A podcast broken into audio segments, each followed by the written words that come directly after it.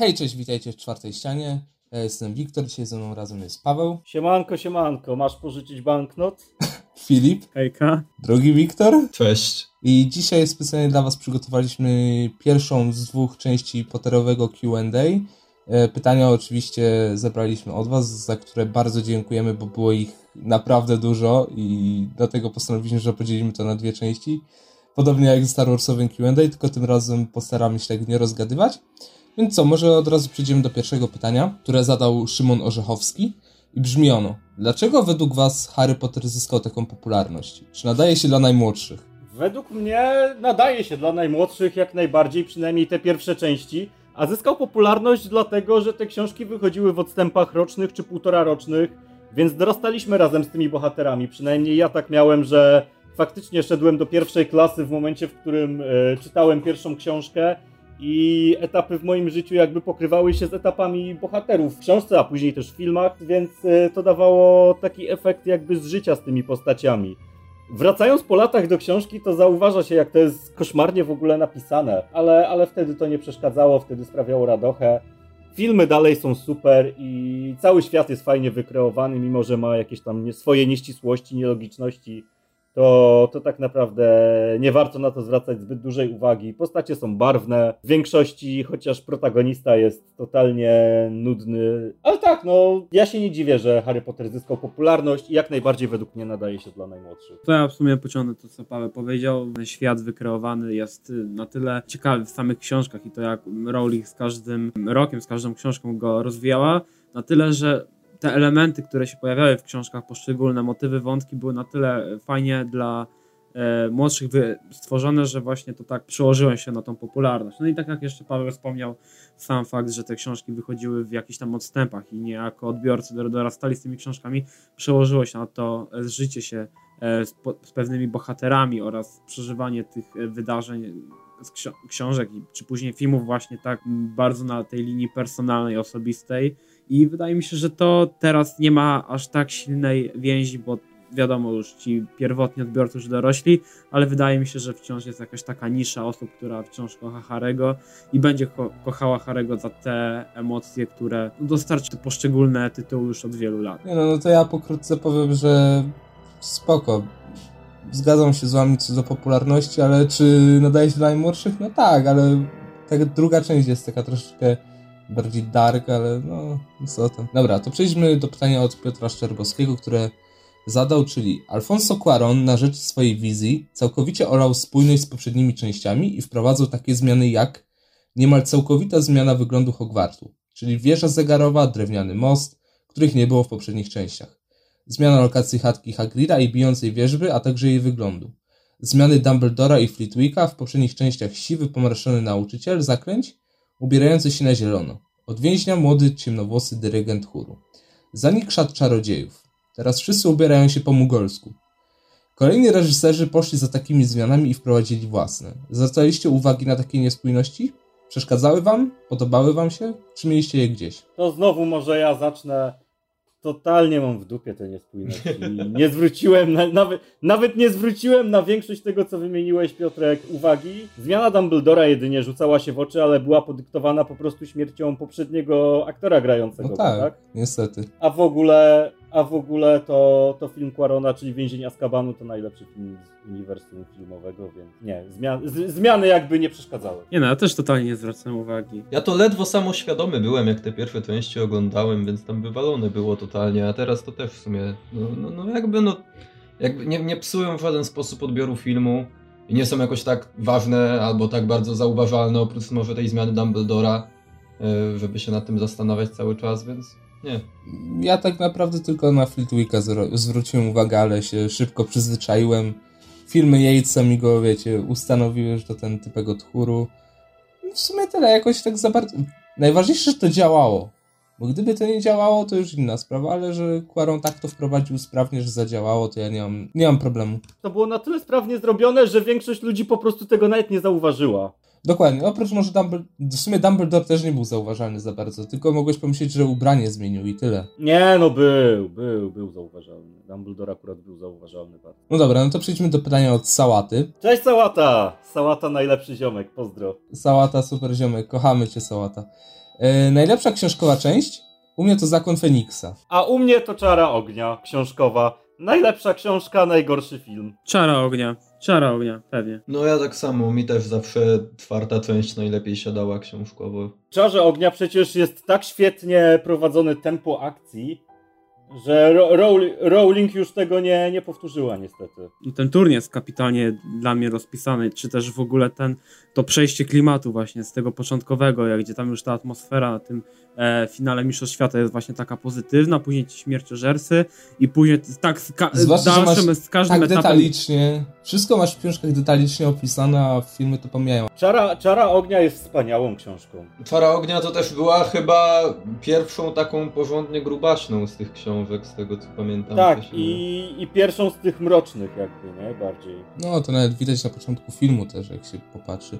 Ale nie, no, zgodzę się z wami, że Czara Ognia to ma tak najbardziej detalicznie opisane, ale kurde, no, Książę Półkrwi jednak u mnie, geneza Voldemorta pokazana, cała jakby otoczka wokół romansu Harego i Ginny. Pytanie od Michała Siódmaka, co sądzicie o sztuce, jej wydaniu książkowym Harry Potter i Przeklęte Dziecko? No to ja pokrótce powiem, że była gówniana i nie powinna powstać. A ja pokrótce powiem, że sztuki nie widziałem, a książka mi się podobała. To ja powiem pokrótce, bo nie chcę tracić zdań na tą gównianą książkę, że e, tak, że nie warto i chcę ją wymazać z pamięci. Książka była super przecież. Podróże w czasie tam były. Zajechali panią z pociągu. To znaczy, były podróże w czasie, ale to trochę jakby nasrały na ten koncept podróży w czasie ustanowiony w trzeciej części, bo jakby działały już zupełnie Trochę inaczej tak. nagle. Trochę tak, ale mi się i tak podoba. Nie wiem, jakoś mi Ja brakowało czegoś w tych książkach, jakiejś, nie wiem, zmiany większej, czegokolwiek, jakiś... Bohaterowie też gównianie napisani, cała intryga. No, jakieś, jakaś też. wybrakowana mi się wydawała. Oglądałem kiedyś jakieś fajne wideoesy na YouTubie o tym, że jakiś typ jakby pisał swoje zarzuty wobec e, tego, tego nieszczęsnego, przeklętego dziecka. I on tam powiedział, że w sumie ciekawy byłby wątek, jakby na przykład Harry zdradzał Ginny z Hermioną i pomyślałem, o kuźwa, ej, ale ja bym to czytał, jakby bez kitu Rowling się zabawiła w coś takiego, w sensie, no tak naprawdę już zamieszać, jak robi To brzmi jak stary, słaby fanfic. Według mnie jakby, jak już robisz tę ósmą część, tak jakby no, już wszyscy wiemy, że nieszczególnie chcianą, nieszczególnie domaganą, na pewno nie w tej formie, w jakiej ją dostaliśmy, to można już się chociaż trochę zabawić z konceptem i trochę zamieszać bardziej niż o, podróże w czasie. Nie, ja jestem suką na podróże w czasie. Ale co ciekawe, no wiele pomyłek wydał, ten, wylało się na Rowling, ale co ciekawe, Rowling w ogóle nie miała nic wspólnego z tworzeniem kreatywnej tej książki, ona się tylko podpisała, a scenariusz odpowiadał za scenariusz odpowiadał Jack Fromm, który swoją drogą miał pisać scenariusz do dziewiątej części Gwiezdnych Wojen, więc no. Uff, Kolejny dobry scenarzysta. To znowu pytanie zadaje Sałata. My, ja tu z Sałatą mam podobne zdanie. Harry Potter czy Lotr? Harry Potter. Harry Potter, bo Władcy Piersi, Władcy Piersi nie cierpię całym sercem. Nienawidzę. ja cię bardzo przepraszam, Sałata, bo wiem, że ty Lotra szczerze nienawidzisz, a ja Lotra szczerze kocham. I oczywiście, że to będzie Lotr, dlatego że ma o wiele bogatsze uniwersum, o wiele ciekawsze postacie, e, o wiele więcej się tam dzieje i stawka jest też o wiele większa. Silmarillion to czyste złoto, Dzieci Hurina to czyste złoto, sama trylogia Władcy Pierścieni to też czyste złoto. Jedynie Hobbit się jakby wybija w tą negatywną stronę. Więc zdecydowanie Lotr. To u mnie Harry Potter. No ja lubię Lotra. No, to niesamowicie, niesamowite osiągnięcie jakby kinematograficzne. Ale jakby no Harry Potter to jest moje ulubione uniwersum, widzę wady, ale jakby ja się na tym wychowałem i jakby to też mnie ukształtowało trochę jako człowieka, więc Harry Potter. No ja ten, jakoś nigdy nie miałem jakiejś większej emocjonalnej więzi tutaj z, z marką Lotra, więc też wybiorę Harry'ego Pottera, bo jakoś bardziej ze mną rezonował. No nie, znowu w mniejszości. E, Dzisiaj mnie przytłaczacie. Kolejne pytanie, tym razem od Bartka Gawrona. Którego filmowego reżysera Potterów lubicie najbardziej? Poza Alfonso Cuaronem, bo to by było za łatwe. Ja bardzo nie lubię Yatesa, części 5 do 8, bo jego filmy wyglądały bardzo surowo i mało klimatycznie. Książę Półkrwi jest w niektórych scenach praktycznie czarno-biały, co niby miało zbudować mroczny klimat. Ale ja już wolę mroczność czary ognia. Jak dla mnie, no to ja właśnie zgadzam się z tobą i ja też najbardziej lubię to, jak później McNewell pociągnął wizję Quarona, bo rzeczywiście było widać, może nie tą samą spójność stylistyczną, bo wiadomo, że Mike Newell nie jest na tyle takim wizjonerskim reżyserem, co e, Quaron, ale wydaje mi się, że dobrze pociągnął tą wizję Quarona, no i też miał jakby nie patrzeć najtrudniejsze zadanie, bo on musiał właśnie wejść na ten wyższy poziom i też zaadaptować no, dwa razy dłuższą książkę tak naprawdę i musiał wybrać ele wątki, elementy, które będą później ważnie, ważne dla późniejszych filmów, tak? I też musiał tak ukształtować te postacie na tym etapie i wybrać takie aspekty e, z Czary Ognia, gdzie jakby się, no nie oszukujmy, ale ta czwarta część jest niesamowicie rozbudowana, że tak jak to wyszło, to wydaje mi się, że to czapki z głów, że to nie zapadło się tak jak na przykład Książę Półkrwi moim zdaniem. Dlatego ja wybieram Mike'a Newella, bo szczerze powiedziawszy Davida Yatesa po prostu nie lubię, bo też jest totalnie bez żadnego klimatu. Okej, okay, to może ja znowu kontr, kontropinia. E, oczywiście, że Quaron jest najlepszy. Bardzo lubię Yatesa, jeżeli chodzi o Zakon Feniksa i Księcia Półkrwi i to, o czym mówisz, ta surowość, według mnie były bardzo klimatyczne i bardzo pasowały do klimatu opowieści, historii i sprawdzały się świetnie. Bardzo nie lubię Yatesa z kolei z Insygniów Śmierci, Obie części są bardzo denne dla mnie, a najbardziej nie lubię Newella, który tak spieprzył moją ukochaną książkę, że filmu nie jestem w stanie oglądać. Nie no, Yates, ja Yatesa lubię za Księcia Półkrwi, który jest no moim ulubionym filmem na równi z Więźniem Azkabanu. No, szapoba dla niego za to. Zakon Feniksa jest taki nudny, tak samo nudny jak pierwsza część Insygnium Śmierci, ale dobra, Insygnium Śmierci. Zakon część... Feniksa jest super. Pierwsza część Insygnium jest na, najgorsza, ale drugie Insygnia, no spoko, trzymały poziom, fajne zakończenie, ale kurde, jak tak sobie myślę, to Chris Columbus jednak super zrobił takie te dwie pierwsze części, takie typowo bardziej dla dzieci, takie nie mroczne, tylko bardziej przygodówki wiecie, żeby dzieciaki też dorastając jeszcze miały na ten ostatni okres takiego, wiecie, jeszcze no, początkowego bycia nastolatkiem albo jeszcze wchodzenia dopiero w ten okres. Właśnie, bo był jeszcze Kolumbus. Kolumbus był super. Ja, I ja te bardzo filmy się pięknie zestarzały. części Kolumbusa. Ja zawsze jak leci jedynka i dwójka, to chętnie tam się z ojcem przysiądzie do powtórki na TVN-ie, a te następne to jakoś tak mniej. Bo te pierwsze były właśnie takie, jak mówisz, takie, takie no, no magitne takie, takie whimsical. Wyczułeś, że to jest ten taki kolorowy świat tam strzelania fajerwerkami z patyczków, duchy sobie latają po stole. W ogóle wszystko jest fajne, kolorowe. Te żadne zagrożenie tam z jakiegoś białego faszysty im nie groziło. Można sobie tylko było biegać, tarować, tylko jakiś tam bazyliszek był po kanałach ślizgający się, ale poza tym to naprawdę miło. W ogóle Kolumbus właśnie tak kolorowo, to były tak kolorowe filmy. No, ale jeśli chodzi o zdjęcia, to akurat Columbus to najgorsze zdjęcia miał w swoich filmach. Jasne, scenografia, kostiumy e, były naprawdę pomysłowe i kapitalne, jakby no to ustanowił czuć, ten że świat. to przede wszystkim, że to świat magiczny było czuć. Ale jeśli chodzi o zdjęcia, no to wiadomo, że tam później Quaron totalnie pozamiatał i dalej to było naprawdę różnie. Ale no, zdjęcia akurat w pierwszych dwóch częściach były naprawdę słabe. To Grzesiu Nowicki pyta, Albus Dumbledore. Postać pozytywna, czy kawał zimnego drania nastawiony na osiągnięcie swoich celów po trupach? To może ja zacznę. I chciałbym tutaj przytoczyć monolog skryby z Asterixa i Obelixa e, misji Kleopatry. To nie jest tak, że dobrze, czy że niedobrze. Jeżeli zapytalibyście mnie, co najbardziej cenię w Albusie Dumbledore, to to, że patrzył na ludzi. E, na ludzi, którzy podali mu pomocną dłoń i którym on podał swoją pomocną dłoń. Według mnie to, to nie jest łatwe do określenia, czy jest to postać jednoznacznie pozytywna, czy negatywna. Trochę tak z jednej strony, trochę tak z drugiej. Mm, przez to, że jest taka niejednoznaczna, jest na pewno ciekawa. Miał e, jakby akcję których był totalnym skurwysynem i, no i był z niego kawał zimnego drania, a, a były, były akcje, gdzie był dorany przy już miłym, sympatycznym, czarodziejskim Zwłaszcza dziadkiem. w pierwszych dwóch częściach. No, takim, wiesz, takim, takim, takim dziadkiem po prostu, nie? Więc, więc ciężko mi określić. To ja tak samo jak Paweł, zgadzam się, że ciężko go określić, ale też chciałbym powiedzieć, że Dumbledore to jest tak fantastycznie napisana postać i ja go też tak lubię właśnie jak Rowling go z każdą kolejną książką rozwijała, tak? W ogóle w Istnieniach Śmierci, całe to jego backstory uważam, że to jest no też najlepsza, najlepszy element praktycznie całej książki. Cała jego relacja z Grindelwaldem, później z jego bratem, siostrą, to uważam, wyszło naprawdę fantastycznie i to się, później jak się później wraca do tych książek i ma się w głowie to jego backstory, to naprawdę widać jak to oddziałuje na jego... Od początku do końca to jest postać tragiczna. Tak, tak, no i wiadomo, no Dumbledore też często dążył po trupach do celu. Jednak Harry'ego praktycznie ciągnął za rękę do jego śmierci, ale widać wszystko, że to też jest postać skrzywdzona przez życie. No i co, no ja bardzo lubię e, Dumbledora. A, no i tak jeszcze, a później jeszcze do tego dojdziemy, ale uwielbiam właśnie interpretację Michaela Gambona, a Jareda Harrisa też lubię, ale wolę tą drugą. Richarda Harrisa. Powiedzieć Jareda. A, powiedziałem syna, dobra, to przepraszam, to Richarda Harrisa. Dumbledore dla mnie to przez te pierwsze dwa filmy to widać, bo taki typowy dzia dziadziuś, który wiesz, do rany przyłóż, ale już od puszczając sobie trzecią część, no to już tak widać, że Gambon wprowadzał trochę swojego Dumbledora, już, już chciał przechodzić w tą stronę bardziej właśnie pół, księcia półkrwi insygnową i już było czuć, że on że już coś jest nie tak, że już nie jest aż taki do rany przyłóż, tylko wiecie, bardzo to dobrze pokazuje ta scena w Czarze Ognia, gdzie właśnie wyprasza tak mocno ministra magii, a w książce to było tak, tak na spokojnie, wiecie, nie było żadnych tych, żadnych akcji, żadnego darcia japy, że tak to.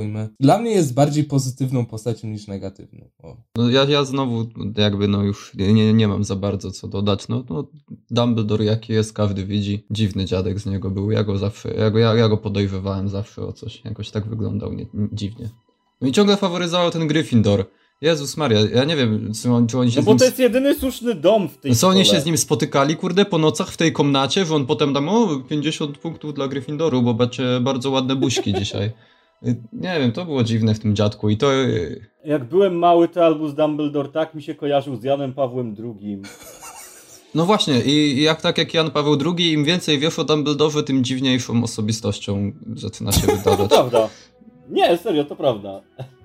Więc ja, ja, ja nie wiem. Ja, ja- dorośli w świecie Harry'ego Pottera to się dzielą na dwie grupy. Albo są y, totalnymi cwelami, y, albo są y, jakimiś troszkę Trochę cwela, cwelami. trochę cwelami. No i tyle. No to nasz grafik Mateusz Czernicki, którego bardzo pozdrawiamy i dziękujemy, pyta nas, które cytaty, motywy brzmiały lepiej w książkach niż w filmach? Lub na odwrót. Na przykład, Harry, did you put your name in the goblet of fire? Mati, zabijesz mnie, ale ja nie znam żadnego cytatu z Harry'ego Pottera, czy to z książki, czy to z filmu zupełnie. Ale to chyba Matiemu chodzi o to, że w filmie było, że Dumbledore wydarł się na Harry'ego, czy wsadził to swoje imię do czary ognia, a w książce było, że spytał No spokojnie. tak, no, no ale ja nie pamiętam takich rzeczy, wiesz? Także Mati, odwdzięczę ci się przy jakimś innym pytaniu, czy przy czymś innym, albo po prostu na browara pójdziemy, ale na to ci nie odpowiem, bo nie.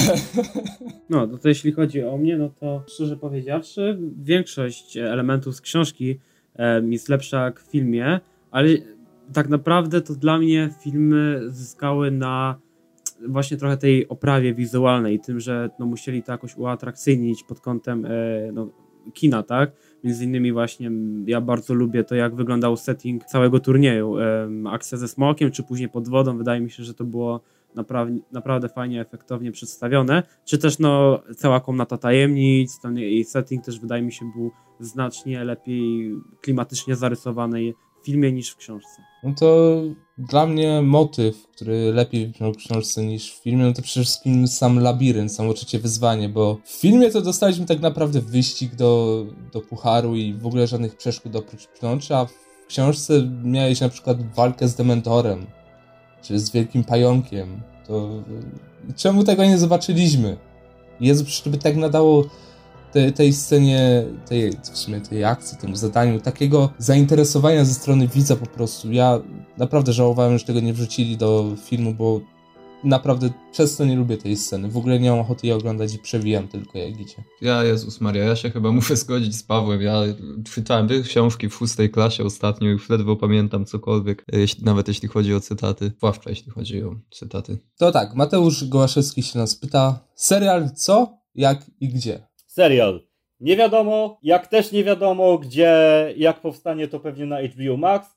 E, mogę powiedzieć, co chciałbym zobaczyć, a chciałbym zobaczyć e, serial dziejący się w czasach, kiedy Voldemort był w Hogwarcie i jego przygody z perspektywy właśnie Voltka i jego przemianę w sensie z Toma Riddla w, w Lorda Voldemorta, która jak wiemy już zaczęła się w szkole.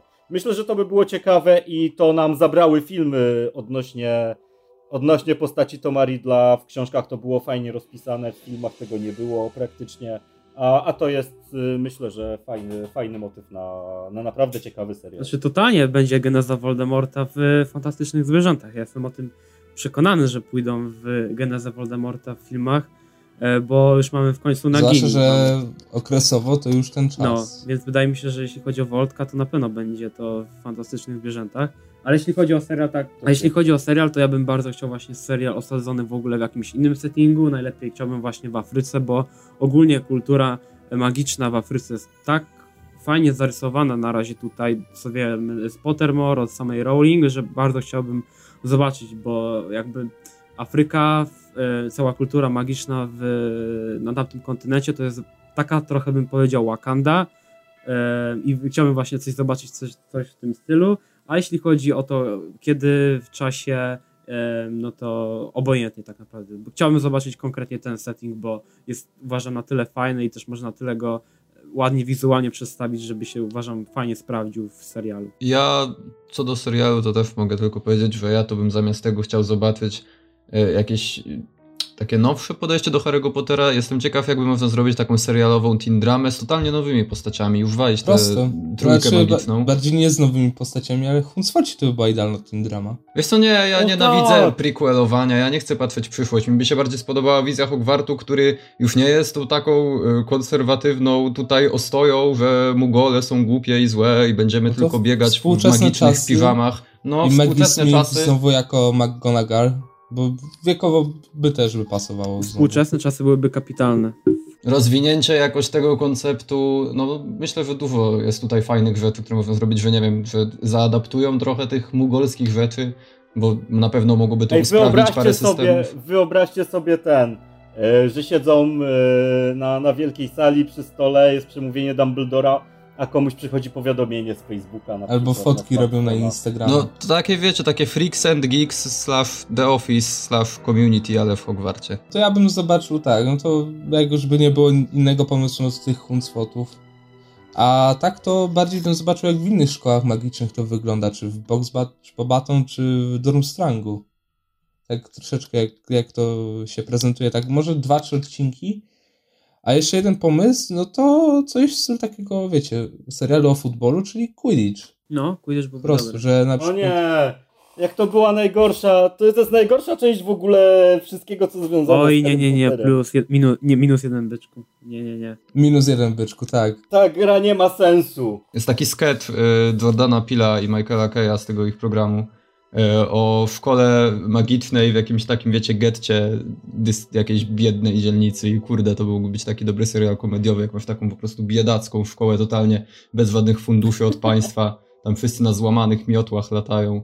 Nie ma hajsu na żadne tam szaty eleganckie czy nic. Po prostu wszyscy jakoś mają taką nalepkę kolorową, żeby wiedzieli z jakiego są domu. Albo Quidditch jak... bym oglądał dobrze. Quid- Quidditch jak w Starzystach z Vincem Wognem i Owenem Wilsonem.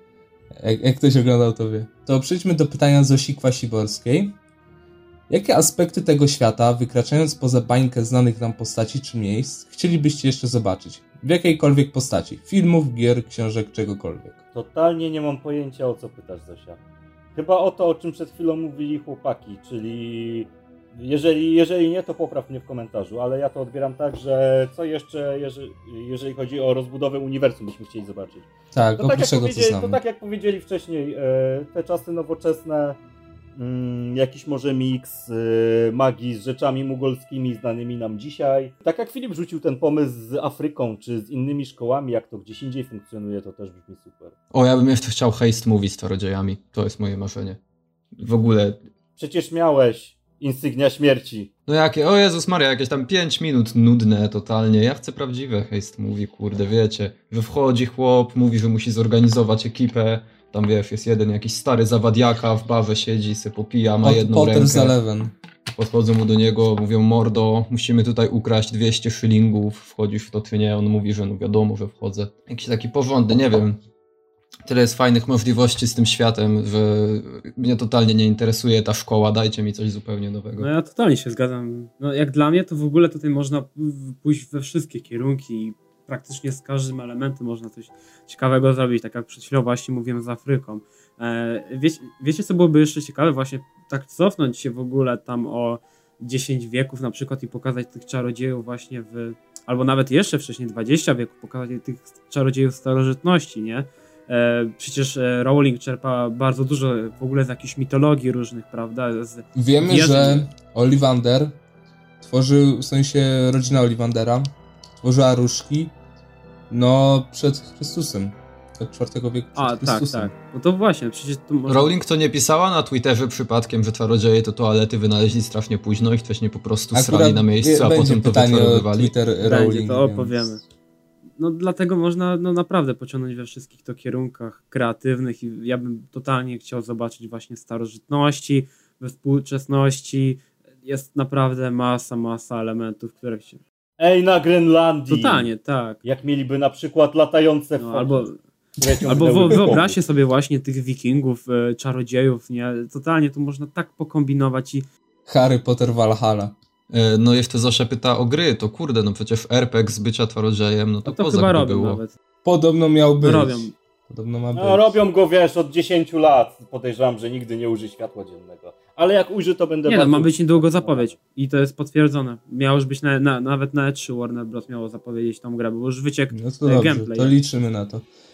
To wtedy sobie na pewno pogadamy o tym szerzej. To przechodząc do pytania od makaron serowy, no to od razu tu przyznam, że to bardzo kontrowersyjne. Fantastyczne Zwierzaki 1 to najlepszy film z uniwersum HP. Fantastyczne Zwierzaki 2 to najgorszy film z uniwersum Harry'ego Pottera. To nie pytanie, ale chciałem się podzielić. Słuchaj, makaron serowy, ja ci powiem tak. Fantastyczne Zwierzaki to najlepszy film z uniwersum Harry'ego Pottera. Nie. Fantastyczne Zwierzaki 2 to najgorszy film z uniwersum Harry'ego Pottera. Tak? To też nie odpowiedź, ale po prostu kontropinia. Zgadzam się z przedmówcą. No to jeśli chodzi o mnie, to też się zgadzam, ale chciałbym powiedzieć, że ja lubię pierwsze fantastyczne zwierzęta i choć nie, nie dałbym ich na samej górze, tylko myślę, że gdzieś może w środeczku. Ale nie zgadzam się też, że to jest najlepszy film z uniwersum oczywiście. To ja powiem pokrótce, że Fantastyczne Zwierzaki 2 no to taki bardziej fan, fan movie, fan service the movie.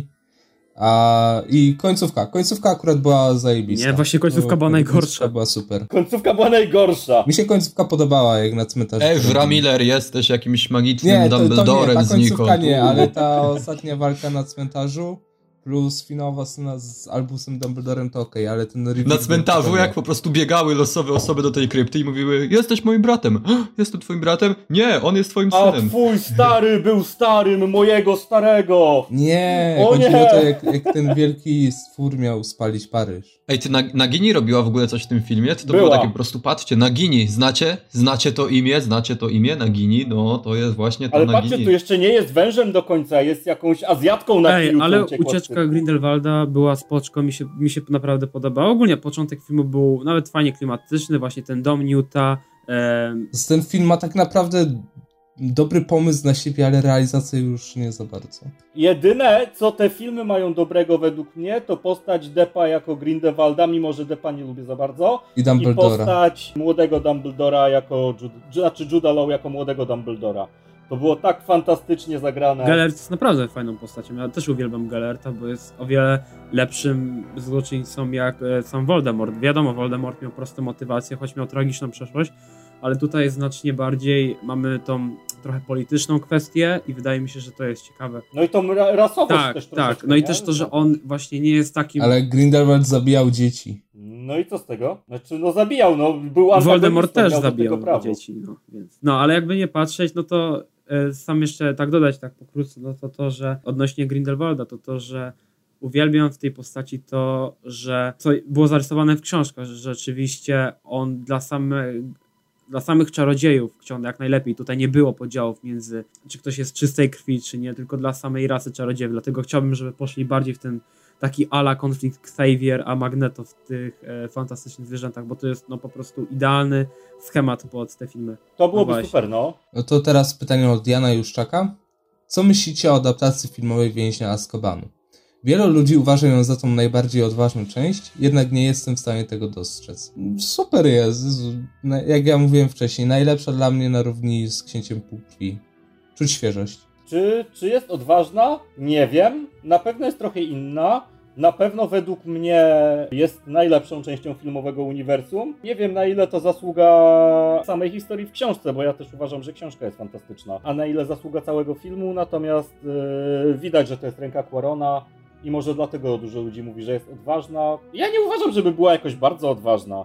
No jest, troszecz, jest troszeczkę inna, mamy troszeczkę inną stylistykę. Jest przede wszystkim piękna. Jest strasznie klimatyczna, jest bardzo ładnie nakręcona. Muzyka Williamsa dokłada. Bardzo zmyślnie jest z, napisany scenariusz. Wszystko tam się spina.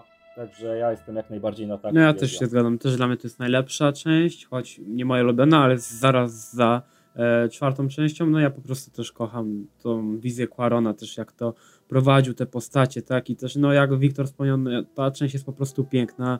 E, sama końcówka jest bardzo pozytywna, choć no wiadomo, zwiastuje, ucieczka tam Petera zwiastuje no zło, ale generalnie e, no ja kocham te poszczególne motywy, też ten patronus Harego też utkwił mi bardzo w pamięci. No i będąc szczerym, może to jest trochę na wyrost, ale to jest jedna z moich dziesiątek takich personalnych, jednych z najważniejszych filmów w moim życiu. Nie no, najpiękniejsza jest dla mnie przede wszystkim dlatego, że zapadła mi jedna, jedna scena, jedna sekwencja. Lot na hardodziobie. Tak. Jezu, to jak o muzyka Jezu, to jest... było pięknie nakręcone. To jak muzyka jest tam dobrana, jakie widoki przede wszystkim. Nawet nie widać, że to CGI jest. To czujesz po prostu. To jak on drze japę i przelatuje i w tle ma Hogwart. Jest, to jest takie piękne. Nie, to Quaronowi trzeba wycofać buty za to. Jest ten film. No tak, tak. Zgadzam się. No nie wiem co powiedzieć, no, no super jest, no fajna. fajna. Wilkołak robi au. Dobra, to przejdźmy teraz do trochę negatywnej części. Teraz Q&A bardziej. Do pytania Sałaty.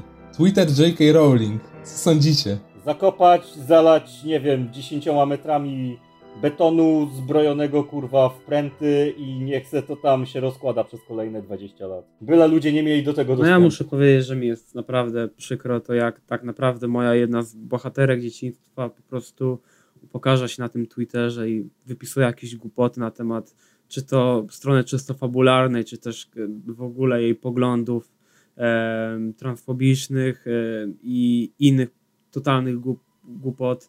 E, no więc tak, no po prostu zalać betonem i niech no Rowling się ogarnie, bo po prostu jak zmieniła agenta, to zaczęło jej po prostu srogo odpierdzielać i widać było ten totalny... Wiecie, to trochę odwrócona akcja jak z Sapkowskim. No, w sumie. Ale nie, mi taka jedna rzecz z tego Twittera zapadła, że, że ona robi to, to uniwersum dla siebie i to ona decyduje, co jest prawdziwe, a co nie. Że ona może sobie zmieniać. No i wie, wiecie, co też jest problemem, to to, że ona generalnie, no w przeciwieństwie do innych marek, no to to, że ona ma ostateczne zdanie i to ona decyduje o wszystkim. Tutaj nie ma takiego sztabu kreatywnego tak naprawdę. Jeżeli ona będzie chciała zaorać tę markę, to ona zaora tę markę. Ona tej marki po prostu nie sprzeda. Dlatego jeszcze dzisiaj nie zobaczyliśmy serialu. Drugie zwierzęta, drugie zwierzęta to po. No, dlatego nie zobaczymy serialu, bo Rowling powiedziała już niejednokrotnie, że ona nie, nie chce serialu, choć zobaczymy, może hajsik się skończy, ale no to ona z jednej strony jest twórczynią tego uniwersum, ale z drugiej strony jest największym e, złoczyńcą również Harry'ego Pottera i tego, jak marka e, się rozwija, raczej nie. No dobra, to kolejne pytanie od Sałaty. Ulubiona i najmniej lubiana filmowa część. Ulubiona z e, Więzienia Azkabanu, najmniej lubiana Czara Ognia, później egzekwo przy najmniej lubianych y, obydwie Insygnia Śmierci. No to jeśli chodzi o mnie, to ulubiona to Czara Ognia, a najmniej lubiana Książę Półkrwi. No to ja, ja chyba najbardziej lubię też, kurde, Czarę Ognia. Ja wiem, że ona zbiera dużo tam negatywnego feedbacku, ale u mnie ma jakieś miejsce w serduszku, a najmniej Dawno jej nie oglądałem, ale pamiętam, że tak mnie nużyła pierwsza część y, Insygniów Śmierci, że do dziś źle wspominam. No to u mnie na równi na pierwszym miejscu lubię no to Więzienia z Kabanu i Książę Półkrwi. No, Więzienia z Kabanu to powiedzieliśmy za co, a Książę Półkrwi no to za soundtrack, za klimat przede wszystkim i za to jak no po prostu było czuć chemię pomiędzy Dumbledorem i Harrym. I no w sumie też zdjęcia, zdjęcia mi się naprawdę podobały. A najgorsza część, no to Insygnia Śmierci, część pierwsza, bo tam po 30-40 minutach się kompletnie nic nie dzieje. Do, od czasu, od momentu ucieczki z ministerstwa zaczyna się najgorsza część tego filmu. Cały czas jest nuda. Wyrzucone po prostu rzeczy z książki, które były, no nawet w miarę, ale kurde nie. Zakopać tę część. Dobra, to teraz Mateusz Wołkowski nas pyta, czy Harry budził was sympatię i kibicowaliście mu, oglądając te filmy? Według mnie jest niejaką postacią, która była ciągle prowadzona za rączkę. Czy budził sympatię? Był sympatycznym gościem, po prostu takim trochę nieporadnym, trochę nieistniejącym bez ludzi otaczających go. Czy kibicowaliśmy mu? No ja tak, ja, ja kibicowałem, ale był postacią prowadzoną przez rączkę, za rączkę przez y, całą sagę. Był taką Mary, Mary Sue. Jest to ciężko mi powiedzieć, jakoś go nigdy szczególnie nie pałem jakąś taką wielką sympatią. Wydaje mi się, że on był taką trochę y, czystą kartką, taką nijaką postacią bez jakichś większych cech charakteru, oprócz tego, że no jest e, wybrańcem, tam robi rzeczy w szkole. Poza tym wybrańce to są w ogóle bardzo często bardzo nudne postacie. No tak. Przecież Neo w Matrixie tak samo był. A na- No chyba, że jest się wybrańcem w Dune, ale wtedy to ma o wiele odwrotne znaczenie. Ale o tym pogadamy z Pawłem za niedługo. Przy Tak, okazji takiego lekkiego teasera robimy. Harry to był taki boy scoucik, nawet kurde, skończył liceum, się ożenił ze swoją dziewczyną z liceum, został policjantem, no ty, ty można wieść bardziej jakby standardowe życie niż Harry Potter. No tam pokonał jakiegoś wielkiego złego przy okazji, ale... Ale też fartem, kurwa.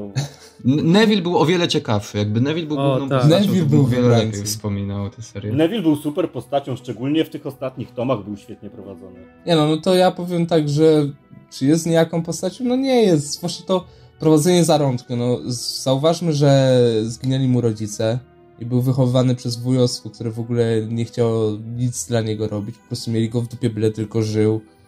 A potem trafił do szkoły, w której no po prostu miał normalne życie, powiedzmy. Powiedzmy to sobie szczerze, miał normalne życie, ludzie go tolerowali, dbali o niego. No cóż lepiej, no zwłaszcza, że widzimy to w trzeciej części, jak z Lupinem, jego relacje z Lupinem. Jezu, relacja Harry'ego z Lupinem w więźniu Azkabanu to jest najlepsze, co tam No i później jak się jest, fajnie no. rozwija. Przecież widać, że no później jak się fajnie rozwija, że tam na w koniec... właśnie ta scena, nie? Tak, że zadbaj o mojego syna. Nie, naprawdę piękna scena. W ogóle denerwuje mnie to, że ludzie podważają to, że on jest wybrańcem. No kurde.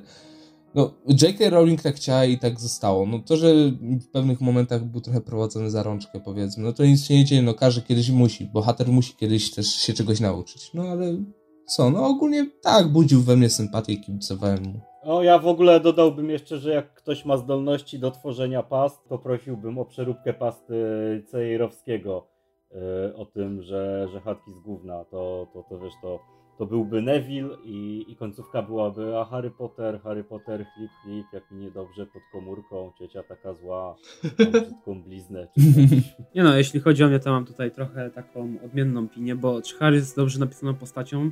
Nie, były lepsze postacie napisane, jak na przykład właśnie Lupin, czy Luna właśnie, czy przede wszystkim Neville. Ale czy lubię Harry'ego? Tak, lubię. No, przede wszystkim Harry jest no, postacią tragiczną. Zwróćmy na to uwagę, że to, że był wybrańcem wcale nie oznacza, że jest koksem. Właśnie to podkreślało ten jego dramatyczny los i to, że musiał się zmierzyć w końcu z tym e, przeznaczeniem, że no jakby nie patrzeć, no zginie, tak? No wiadomo, że trochę mamy tu cukierkowe zakończenie i to trochę podważa ten dramatyzm postaci, ale generalnie Właśnie było wyjaśnione, J.K. Rowling wyjaśniała, że skoro Arthur Wesley przeżył w piątej części, to Lupin musi zginąć. To jest takie z dupy tłumaczenie ale bardziej o mówię, matko. bardziej mówię o Harrym, że mamy właśnie takie cukierkowe zakończenie i to właśnie trochę podważa ten dramatyzm, ale zaraz do czegoś dojdę, czegoś innego, ale jeśli chodzi o te same tomy książkowe, no to ja naprawdę no kibicowałem mu, no to bo to był chłopak bardzo mocno skrzywdzony przez życie i też to widzimy jak jego relacja się rozwijała z, post- z przyjaciółmi, tak i zawsze będę miał na sercu e, cieplutko jak e, widzę jak ta jego więź z Ronem czy z Hermioną jest podbudowywana i właśnie w Insigniach Śmierci lubię akurat tą scenę, gdy Harry się dowiaduje o tym, że jest Horcruxem i tam idzie e, na rzeź e, przygotowaną prosto przez Dumbledora. No właśnie, to jak Dumbledore go prowadzi, to też jest takie e, przykre. No i też warto zwrócić uwagę na to, że Harry czy jest Mary Sue?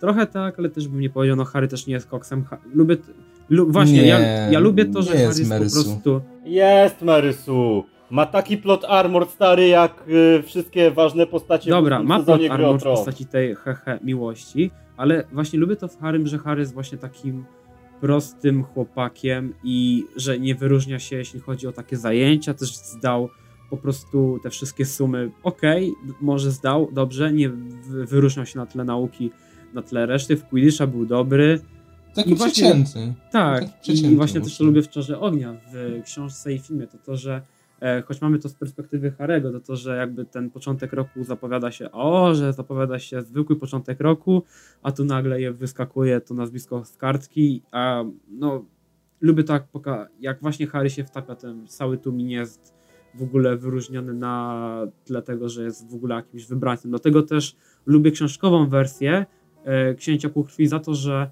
mm, no tam trochę to rozwinęli, mimo wszystko był mocny nacisk na backstory Voldemorta, em, a w filmie mimo wszystko często się obwi- okręcało wokół tego, że on właśnie był wybrańcem. To przejdźmy do pytania od Sałaty znowu. Co sądzicie o grach Lego Harry Potter? Lego Harry Potter jest super, tak jak wszystkie gry Lego. Ja tu zgadzam się z Pawłem, że gry z Lego Harry Potter to są jedne z najlepszych gier o Harry Potterze, jakie powstały w ogóle. Za dużego wyboru nie ma. Oprócz komnaty tajemnic. No, Jest wiesz, komnata tajemnic, długo, długo nic i Lego Harry Potter. no jeszcze Więzienia z Kabanu był taki No, więzienia z Kabanu był spoko. Nie no, gry Lego Harry Pottera jest, były super, pamiętam jak grindowałem, żeby mieć 100% w każdym. To było super po prostu. Nie, ale szanujemy, szanujemy sałatę gry Lego Harry Potter, więc, więc dzięki za to pytanie i teraz Michał Siódmak zadaje nam pytanie, mianowicie wasze ulubione zaklęcia i eliksiry. Książki, filmy i gry. Hmm, to może ja zacznę. I jeśli chodzi o zaklęcia, no to zawsze moim ulubionym na wieki wieków będzie Expecto Patronum, bo zawsze ono było... A to chyba każdego. No, Nieprawda, zawsze było tak nie. mega pozytywne, też takie mocno metaforyczne jak dla mnie i zawsze będzie się dla mnie tak objawiało takim ciepłem na sercu. Jeśli chodzi o eliksiry, to myślę Felix e, Felicis. Musiałbym jeszcze pomyśleć, bo dawno w ogóle nie grałem w gry, ale tam też było mnóstwo ciekawych eliksirów. No w sumie myślę tyle tak na szybko. Okej, to moje ulubione zaklęcie Sectus Sempra, zdecydowanie. Zresztą w ogóle bardzo lubię Księcia Półkrwi jako, jako postać, jako to backstory Snape'a. A Elixir też, wydaje mi się, że Felix Felicis to jest taki najfajniejszy wybór, a jeżeli chodzi o gry, to tam było coś takiego jak Wywar z gumochłona, tak? E, nie, to był eliksir wigenowy. A tak, Eliksir wiganowy. Bo tego, śluz, gumochłona, śluz gumochłona i kora drzewa wigen. No, to, to, to, to też, też był spoko eliksir. Zawsze jakieś żyćko fajne. Nie no, no to u mnie to ulubiony eliksir, no to eliksir wielosokowy. Tu nie ma co mówić, bo możesz się zmienić kogoś na godzinę i wiecie, i robić za niego różne rzeczy, a Ale głos ci się nie zmienia. no właśnie, To jest, duży, duż, dużo, dużo bardzo na minus. no właśnie na minus, ale co tam. Ważne, że ten, ważne, że się dzieje. A ulubione zaklęcia, no to z gier w, w tych grach z Insignium Śmierci, to było Expulso, które na, napierdalał jak karabin, więc, więc to jest super. A z książek, no to hmm, co niech pomyślę. Lumos Maxima było super, takie efektowne, zwłaszcza w Księciu Półkrwi było. No i Levi Corpus. o Levi Corpus też. Ja to myślę, że Avada Kedavra to jest najlepsze zaklęcie, bo nie pierdolisz się w tańcu żadnym, tylko po prostu se celuje w Wbijasz i zabijasz typa. No I właśnie, no, cyk, i cyk, chyba- i nie ma. no kurde, do tego brzmi jak abracadabra, co tu potęguje jego ważność dla mnie. No, no to jest kozak zaklęcie. No wiadomo, że, że jest kontrowane przez tak zwaną miłość matczyną, Nie, e, co, co bardzo Maxima. utrudnia. Protego Maxima kontruje. Co, co utrudnia pewnie, ale Avada Kedavra jest kozak. To jest tutaj dla takich, wiecie, dla prostych ludzi, co praktyczności szukają w tych czarach. Nie żadnego pierdolenia się, tylko po prostu raz, dwa, trafiłeś, nie żyje i fajnie jest. A eliksir, to nie wiem, był ten eliksir miłości, nie? On to tak trochę y, gwałtowo brzmi, to, to on lepiej nie. Chyba też wielosokowy, fajnie, można się zmienić w kogoś, pobiegać, zniszczyć życie, albo i nie. E, Jeśli, jeśli chciałem jeszcze dodać na temat Avada, Avada Kedavra, w ogóle trochę to jest posrane, że w filmach tak e, popsuli ten wątek z Avadą Kedavrą, bo tam przecież w książkach było jasno powiedziane, że no nie da się skontrować, a w filmach nagle Yates przychodzi, a i tak oczywiście Expelliarmus. Nie, w książce też było. Nie, w książce nie było. W książce było, Nie, że Harry nie było. kontruje Nie Protego było. Maxima. Nie było. Nic nie kontruje Avada Kedavra. Nie było. Harry, kontro, ha, Harry kontrował tylko dlatego, że miał róż, różdżki złączone z A tak, a pokonał go w ostatniej walce, bo to jego, bo Czarnoróżdżka nie mogła go zabić, bo Harry był wtedy już władcą, dlatego mógł go jeszcze skontrować wtedy.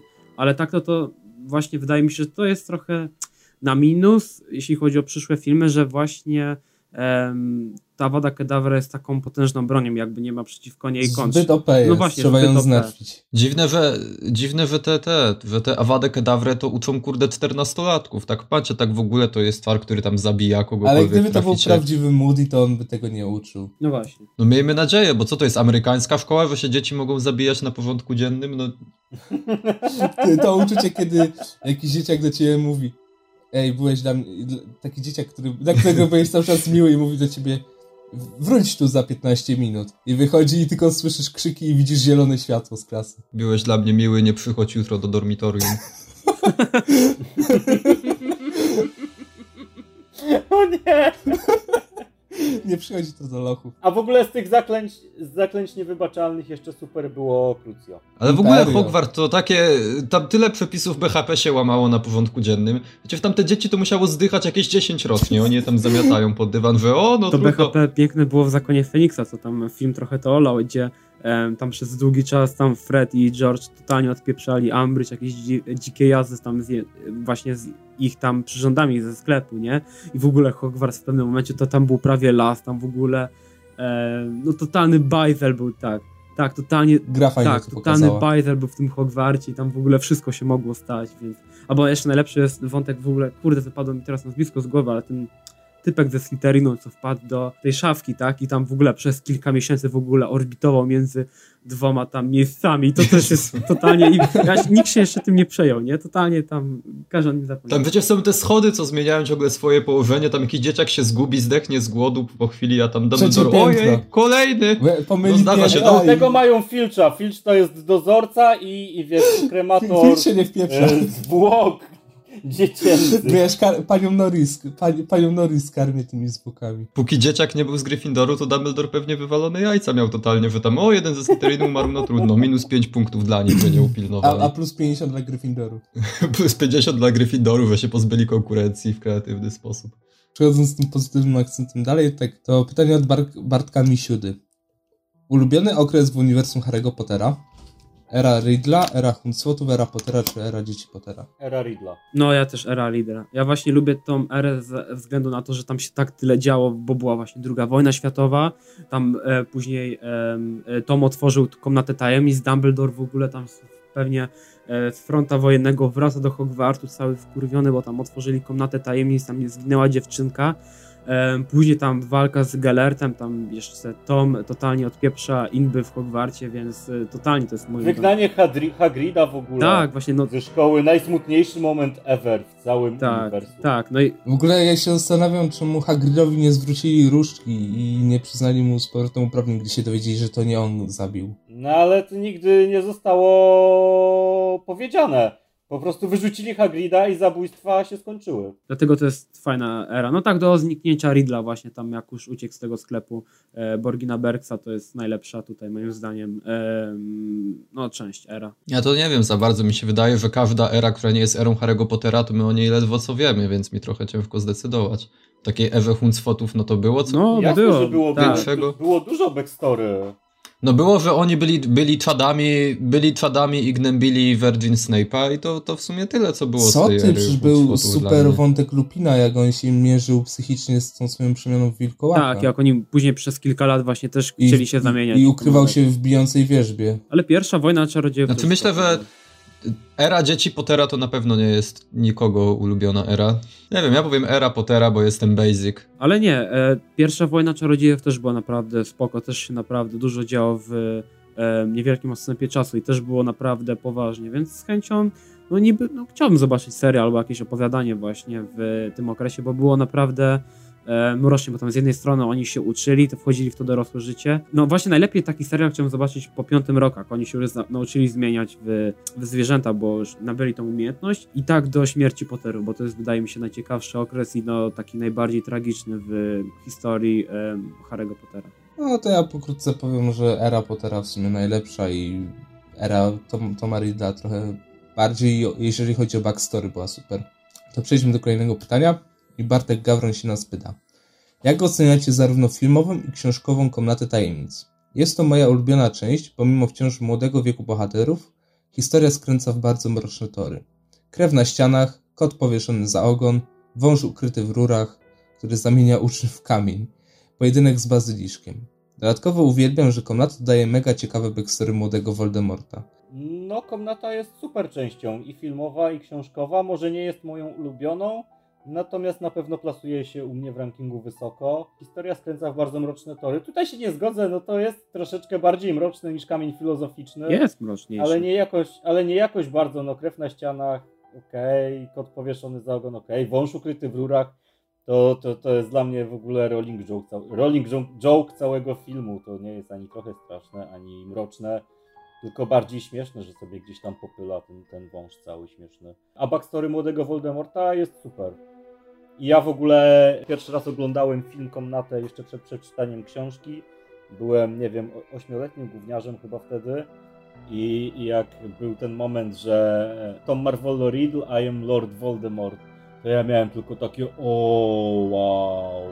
I, I dalej to się super ogląda. Bardzo lubię. Nie no, ja jestem ogólnie wielkim fanatykiem em, całego konceptu em, Komnaty Tajemnic, tego co do niej prowadziło, tam jeszcze sprzeczki z em, przed, sprzed tam wieków e, Slytherina z Gryffindorem, dlatego no ja właśnie lubię tą książkę poprzez ten pryzmat, no i też backstory Voldemorta, bo no też uwielbiam totalnie tą, tą część tej postaci.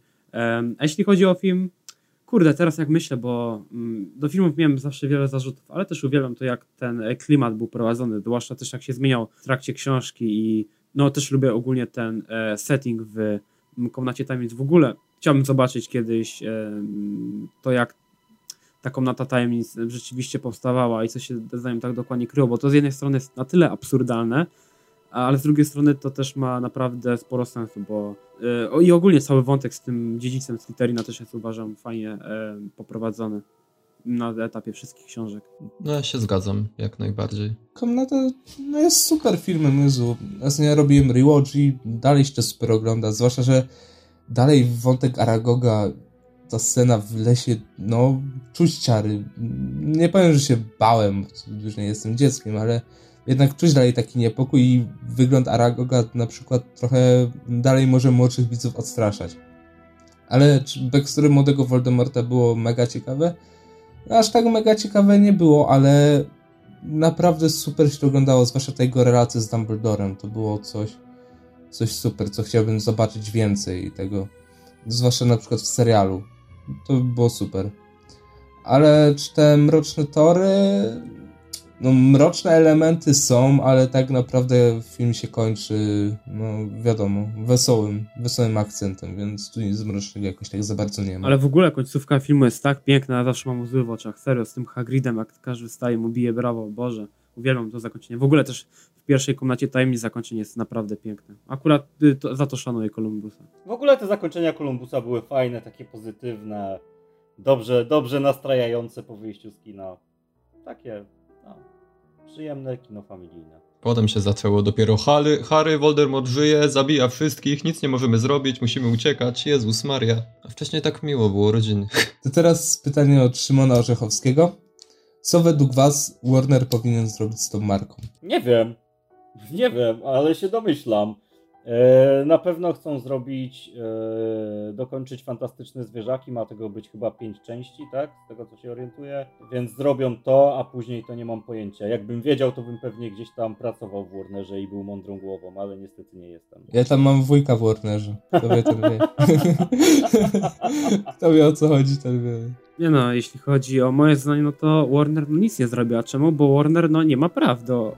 Tak, ma prawa i to Rowling użycza Warnerowi e, możliwości do robienia jakichś filmów i tak naprawdę bez Rowling to nic nie powstanie, więc no Warner Bros. ma tyle do gadania, co no, nikt po prostu i muszą czekać na jakieś decyzje Rowling i to tak naprawdę od niej zależy, czy coś będzie, jakiś serial, czy nie, czy będzie gra, e, coś na licencji, to wszystko podejmuje Rowling i to jest właśnie największym problemem tego uniwersum, że to ona stoi za wszystkimi decyzjami kreatywnymi i nie ma żadnego, wiecie, takiego porządnego zarządu w tym całym Wizarding World. Więc no, Warner przede wszystkim, znaczy generalnie całe uniwersum powinno się jakoś odczepić o, od Rowling, jakiś, jakiś, wiecie, totalny o, oddział kreatywny składający się naprawdę z mądrych osób i kilka być może pododdziałów, na przykład seriale, gry, e, jakieś opowiadania graficzne, bo te, co wychodzą w Polsce teraz, ilustrowane części są naprawdę przepiękne i z chęcią chciałbym zobaczyć więcej takich, ale z innymi historiami. A filmy, no wiadomo, jest no nie po prostu nieograniczona tutaj ilość, no tylko w tym momencie marka jest na tyle w niepewnym momencie zobaczymy, jak trzecia część zarobi, że szczerze powiedziawszy Warner sam nie wie, co z nią zrobić. I sama Rowling też jest pewnie w kropce. Nie no, tu na pewno muszą pomyśleć, co chcą dalej z tym robić. Zwłaszcza, że teraz zrobili sobie tą przerwę roczną, dwuletnią, tak, dwuletnią, gdzie po prostu J.K. Rowling powiedziała, że nie wydamy tego w 2020, tylko rok później. I do, zwłaszcza przez to, że ten, że zbrodnie Grindelwalda tak słabo wypadły, postanowiła, że coś jednak trzeba zmienić. I teraz z tego co wiem, akcja będzie się działa w Brazylii. I mają już tam być jakieś zalążki Wojny Czarodziejów, yy, Toma Ridla. No jeszcze z Tomem Ridlem nie wiadomo ja za bardzo, czekam. to będzie, albo to ma być 1900, mówią plotki, 1933 4 z tego co pamiętam, więc to, to jeszcze nie Tom Riddle. No, przed drugą wojną światową jakoś. No jakby zgadzam się tu z wami, nie wiem co może Warner zrobić z tą marką. Nie zabić jej, to, to jest chyba najważniejsze. Nie zwalić kolejnych fantastycznych no, zwierząt. To, to już trochę za późno po drugich fantastycznych zwierzętach. Coś nowego, to, to jest moja odpowiedź. Niech zrobią coś nowego z tą marką po prostu. Już mam dość Hogwartu, tych samych postaci, Dumbledora, Harego mam dość. Chcę Harry'ego Pottera bez Harry'ego Pottera. Dobra, teraz pytanie, na które no można powiedzieć, że wszyscy czekali i wszyscy z chęcią odpowiedzą. Michał Siódmak pyta się nas, co sądzicie o serii gier wydanej przez Electronic Arts? Lubię komnatę tajemnic, w resztę raczej nie grałem, a jak grałem to byłem małym berbeciem i nic z tego nie pamiętam. A komnatę tajemnic sobie niedawno znowu odpaliłem i dalej jest super. No, to ja powiem tak, że komnata tajemnic moja ulubiona gra ever, że tak to ujmę. Mam do niej taki ogromny sentyment, zwłaszcza do ścieżki dźwiękowej Jeremiego Sola, która jest przepiękna. Więc ja się dziwię, że nie zatrudnili go do soundtracku do filmów, ale no konkurencja była na tamte czasy mocna, czyli John Williams, więc powiedzmy, że jakość jest porównywalna. O. A co do innych gier, no tak, kamień filozoficzny był lepszy na PlayStation, bo jedynka była zupełnie tak linearna, że tego, w to się nie dało grać prawie. W ogóle nie było otwartego świata. Więzienia z Kobanu był, no okej, okay było ok, czaro ognia zakopać, zalać betonem. Nie wiem, kto na to pozwolił, ale to była najgorsza giera. Zakon Feniksa i Książę Półkrwi, no super gierki, no rozwijały trochę świat, fabułę przede wszystkim. Zresztą w Zakonie Feniksa była taka poboczna misja, gdzie z gargulcami trzeba było rozmawiać. Jeden gargulec nawiązał do wydarzeń Szare Ognia, gdzie mówił, że no, był tu jeden gargulec, ale jakiś ciul, ciul przeleciał razem ze smokiem i go rozwalił. Co mi się podoba, Ostatnie Instygnia Śmierci to typowe Battlefield Call of Duty, które nie da się grać. Ja jakby nie mam za bardzo doświadczenia z grami z Harry'ego Pottera, ale y, była taka jedna bardzo przeklęta gra w postaci Harry'ego Pottera na Kinecta Xboxowego i grałem i się machało łapami, żeby czary rzucać y, i to było okropne doświadczenie. No jeśli chodzi o mnie, to ja tutaj po części się zgadzam z Wiktorem. Komnata Tajemnic to też jest moja totalnie top gra wszechczasów i te wszystkie teksty, po czasie też naprawdę zawsze mnie bawią. No i mówię, ta muzyka, cały ten klimat tej książki, to zbieranie kart czarodziejów, pojedynki, naprawdę no to jest niesamowite przeżycie i no też często wracam, bo to jest masa frajdy wciąż, pomimo e, złej oprawy graficznej. Nie, oprawa graficzna nie jest aż taka zła, w sensie były gorsze jak na tamte czasy. A ta akurat nawet pod, Ale pod latach pod się prezentuje. klimat filmu okay. właśnie, pod tą taką stylistykę tą właśnie bajkową, nie? A, no i też grałem często w Quidditcha właśnie, to jest też ten plus, że mogło się grać w Quidditcha, kiedy się chciało. Właśnie, jeszcze był przecież Quidditch World Cup. Ty, a komnatę to Jemnic 100 kloców nagrywał, nie? Chyba tak, no. No to ja, ja stąd kojarzę ją tylko. Nie, komnata tajemnicy jest jeśli... fantastyczna. Dobra, to jeśli chodzi o mnie, o wszystkie gry, no to e, kamień filozoficzny. Ja grałem pierwszy raz, był spoko, później już jakoś nie wracałem, bo właśnie, no prościutka gierka była. Kilka misji mi utkwiło, utkwiło w pamięci, między innymi ten finalny pojedynek z Voldemortem, który był totalnie popieprzony w, w kontekście tego, jak to wyglądało w książce czy filmie. E, Komnata Time jest, mówię, kocham, 10 na 10. Więzienia z kabanu trochę za krótki, też trochę mi się nie podobało to, że zmienili setting Hogwartu, ale rozumiem to z perspektywy kreatywnej. I zmienili nazwy, w sensie znaczki zaklęć, bo Było i Depulso, i Rictus Sempra i podmienili im znaczki. I tutaj niepopularna opinia. Czara ognia lubię i szczerze powiedziawszy nie wyobrażam sobie inaczej, jakby to miało wyglądać. Naprawdę lubię te misje, te wszystkie misje, ale te wszystkie, te wszystkie misje były naprawdę fajnie zrobione. Między innymi to drugie wyzwanie pod wodą było naprawdę moim zdaniem fajnie zrobione i też Okej, wyzwanie pod wodą i, pierwszy, pierwsze wyzwanie, czyli ze smokiem akurat lubię, więc do tego Ale nie generalnie ja mam też mnóstwo sentymentu do tej gry, więc no pewnie też ją oceniam tak poprzez ten pryzmat mój e, nostalgii. Piąta część uważam była naprawdę słaba, tragiczna i ze względu na obszerność książki moim zdaniem też się totalnie po, postarali. Książę Półkrwi już znacznie lepszy i tutaj też gram na PSP, więc podwójnie oceniam na pozytywnie, zwłaszcza te wszystkie mm, dodatki w postaci tam robienia eliksirów i uważam też, że sam wątek później pójścia pod ten, e, jak się okazało, fałszywy Horcrux był naprawdę spoczko, a dwie ostatnie części tragiczne. W Call of Duty to się zmieniło, też bez emocji, bez żadnego klimatu takiego jak poprzednie części. Tylko trzymasz, Totalnie celujesz i bez sensu. I też ten pojedynek Harry'ego z Voldemortem jeszcze bardziej przesadzony jak w filmie No, musisz maszować, maszować, maszować, żeby wygrać. wolę Lego. Mam nadzieję, że ta nadchodząca gra od Avalanche e, Soft- Software bodajże będzie naprawdę spoczko i będziemy grać w to i jakby podbije poziom gier z tego uniwersum. Okej, to teraz pytanie od nasz, znowu naszego grafika Mateusza Czernickiego. Odnośnie relacji. Najmniej lubiany romans w serii? Któryś z nich dla was nie działał? To ja powiem, że najgorszy romans ever, no to Harry i Ginny, który zupełnie mi nie grał w filmach. Był okropny. Harry i to Twang, Jezus Maria. No To to była też. cringe'owa Postać- kurwa na maksa. Po- Postać to Twang, co to się tam stało? Czemu ona nazywa się to Twang? Mówiłeś to kurde Cing Ciang Ciong można było ją nazwać. Rowling chyba za... Według Rowling to o, Azjata, nazwijmy go tam, nie wiem, Ciuciu. Chiniol. No, Harry, wiesz co widzę? Jesteś Azjatką, więc przypuszczam, że nic. Mati, słuchaj, ja bym to pytanie, w sensie y, ten człon pytania, któryś z nich dla was nie działał, y, bym troszeczkę zmienił i zadałbym je inaczej, i mianowicie zadałbym je tak. Czy któryś z nich dla was działał? Działał, działał jeden romans, był to romans y, i związek Lupina i Tonks, a cała reszta była bardzo, bardzo źle napisana. Szczególnie źle y, Harry i Chu i Harry i Ginny. Najgorzej na świecie. o i Snape i matka Harego, to jak Sna- Snape tam O Jezu, celem był totalnym i jak E, nie, Snape i matka Harego działało. i Luna. Według mnie Neville działało. i Luna ship. Tam Snape do konserwatywki sobie po prostu walił, tam marzył o tym, że go pokocha.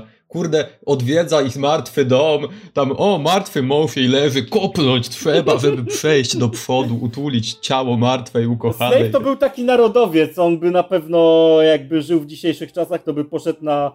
I był Polakiem, to by poszedł do Mariana Kowalskiego na typowo polskiego kebaba, jestem przekonany. No, Snape został faszystą tylko dlatego, że nie mógł penisa w babę, co kocha wsadzić. Ej, ale Jezus myślisz, Maria, no. że ludzie zostają faszystami z jakichś innych powodów? No No nie, no tak sumie to to- działa. Kobieta bez bolca dostaje pierdolca, a facet bez dziury zostaje faszystą nazistą. Ale się pięknie Snape zrehabilitował. Kochana postać. Jak zrehabilitował? Kurde, tyrał, tyrał dziecko tej swojej ukochanej 8 lat, a potem zrobił chlip chlip. To ja się zgadzam z Wiktorem i tutaj romans Harego z Cho Chang był totalnie tragiczny i tutaj Rowling to, y, chciała I z Ginny. Tak, i Rowling tutaj chciała coś e, na szybko napisać. Do Ginny zaraz przejdę. I w ogóle wyobraźcie sobie sytuację, gdzie Rowling tworzy taki świat, który jest pełen metafor odnośnie dzisiejszego e, świata, gdzie na przykład bycie wilkołakiem jest, jakby nie patrzeć, metaforą dla no, bycia chorym na AIDS, tak, czy HIV, więc to jest dziwne, że nagle takie wchodzą takie stereotypy. Ale jeśli chodzi o Ginny, no to ja to ja się trochę nie zgadzam, bo ja lubię to, jak Ginny była prowadzona przez te wszystkie filmy też jak się ładnie rozwijała i też to jak. Ha, mm, zwłaszcza wydaje mi się, to też szanuję Jejca za to, że tak, pomimo tego, że jakoś nie umie w storytelling za bardzo, to jakoś tą Ginny zawsze na drugim planie wpychał i było widać, jak ona tak wciąż na tego Harego tak patrzy. I choć to nie jest wiadomo jakoś eksponowane, wciąż to nie jest na, na pierwszym planie, to gdzieś tam z tyłu zawsze widać, jak, jak jej na Harym zależy. No tylko właśnie no filmy to trochę po macoszemu potraktowały, bo w książce to było naprawdę ładnie rozwinięte, jak oni tam razem wakacje spędzili, jak on zobaczył, że też y, ona się zmieniła, jak dużo mają wspólnego ze sobą. A jeśli chodzi o inne romanse, no to tutaj mam nadzieję, że fantastyczne zwierzęta trochę to uratują, ale no Gellert i Dumbledore to jest naprawdę ciekawa relacja. Mam nadzieję, że pójdą w ten romans, bo to oni mają naprawdę wiele wspólnego i też no dramatyczna relacja, jakby nie patrzeć i zwłaszcza w kontekście tego, jak Dumbledore długo nie chciał stanąć przeciwko niemu, zwłaszcza ze względu na jego prywatne uczucia, ale też to, że nie chciał się dowiedzieć, kto stał za śmiercią Ariany, nie? Więc to mam, też było naprawdę moim zdaniem fajnie. Ale i te relacje dalsze, no to wiadomo, Lupin Tonks też bardzo ładna relacja, choć tragiczna. Artur i... Nie no, Lupin i Tonks była akurat taka nawet okej, okay, bo ty mogłeś uwierzyć w to, a Harry i Ginny, no to tak sztywnie to działało, że nie. Artur i Molly też była taka relacja, no typowo no, że wspieramy się na dobre i na złe. małżeńska. Tak, wspieramy się na dobre i na złe. Pewnie coś jeszcze tam było pomniejszego i mi pewnie wypadło z głowy, ale... McGonagall z Flitwickiem. O nie. Bellatrix i Voldemort, przecież dziecko mieli. To nie jest kanoniczne. ona była suterenką, ona mu tylko dziecko nosiła. Nie, ja wierzę, że się prawdziwe uczucie właśnie Voldemort między nimi rozwinęło. Prawdziwego uczucia i właśnie mnie to najbardziej w nim bolało, że to zabija całą istotę Voldemorta i tą tego, że on właśnie nie potrafił e, kochać, więc ja wciąż nie wiem, co tam się zadziało w głowie Jacka Frona, gdy pisał to. To, to samo, co się zadziało między Palpatinem a matką jego dzieci. Tak. Tym magia ciemnej strony mocy. Magia, magia śmierciożerców. Nie no, ja powiem pokrótce, że ja mam nadzieję, że romans z Newta i Tiny jakoś zrobią, kurde, lepiej, bo no ma to potencjał. Kurde, w pierwszej części to miało potencjał. To, w pierwszej części to miało potencjał. Właśnie chodzi, właśnie mi się podobało to, że nie skończyło się, wiecie, pocałunkiem nagle, ale że oni to tak fajnie, no subtelnie budowali. Szkoda, że druga część totalnie tego nie rozwinęła, bo był naprawdę fajny potencjał. Ale pierwsza część e, naprawdę stworzyła dobre podwaliny pod to i nie było typowej relacji, gdzie od razu wpadają sobie w ramiona i w usta, ale to też tak subtelnie było budowane, zwłaszcza poprzez to, jak no, Newt jest specyficzną postacią. W tej drugiej części te, ten Polak z tą typiarą, co o oni nie. tam się rozstali, bo ona wolała zostać faszystką. Dobra. Sorry, lubię przypominać o okropnych tak starego ten temat, bo już... Przejdźmy na lepszy temat.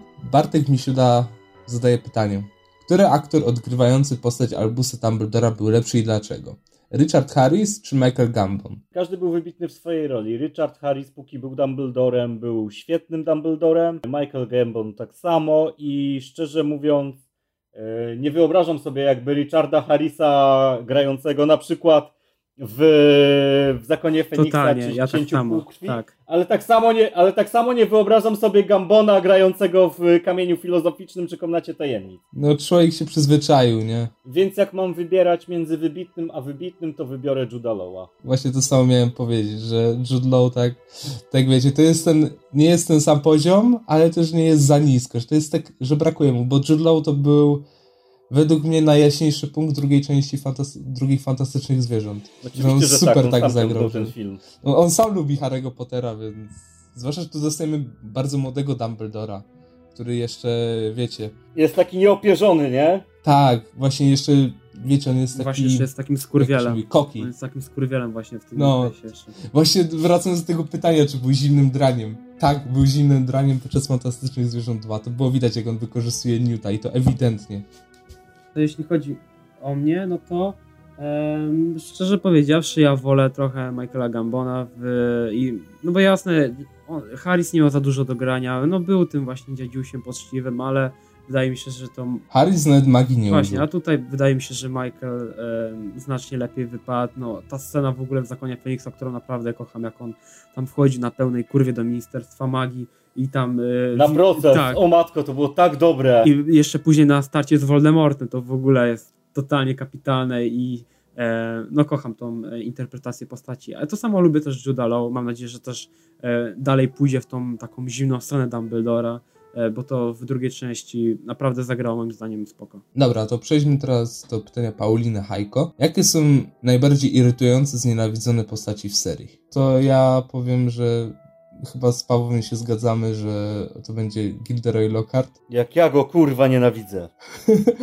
Ale ja bym jeszcze dodał od ciebie jęczącą Martę, która mnie tak wkurwiała po prostu za przeproszeniem, że nie dało się tego oglądać. No i Umbridge oczywiście, że Umbridge zimna suka była.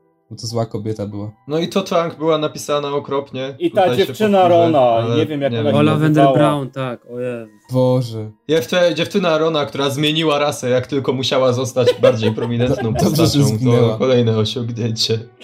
Było dużo bardzo zły, źle napisanych postaci i złych postaci. Ej, nawet Cormac, Cormac był też wkurzający trochę. Ale prym wiedzie chyba jednak ten Lockhart jebany.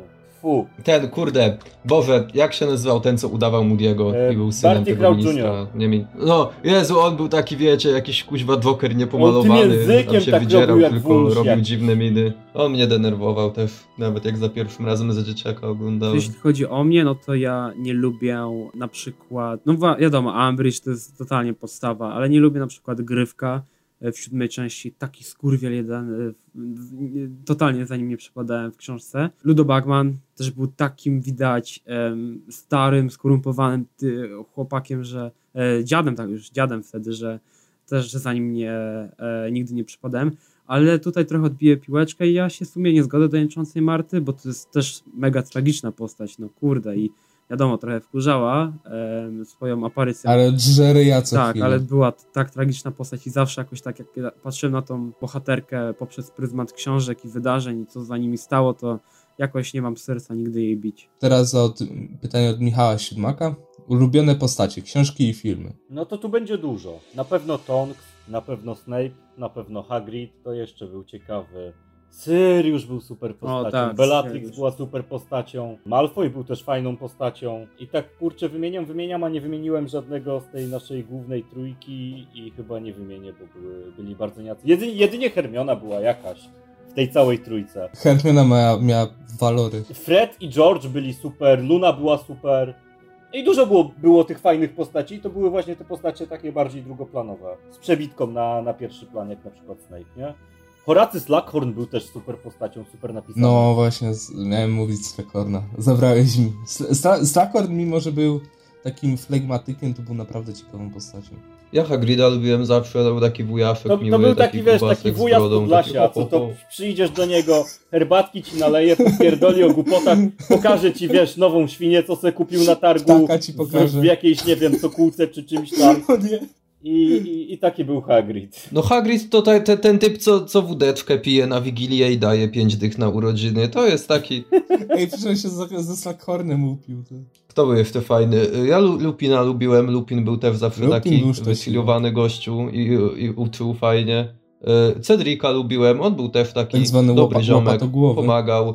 Taki, taki boy scoucik, ale taki miły, bo na chwilę był, jakby był dłużej, to by pewnie denerwował, ale tak na chwilę był i umarł, to był fajny człowiek z niego. A kto tam jeszcze, nie wiem, ja nie lubiłem tej trójki nigdy głównej jakoś szczególnie.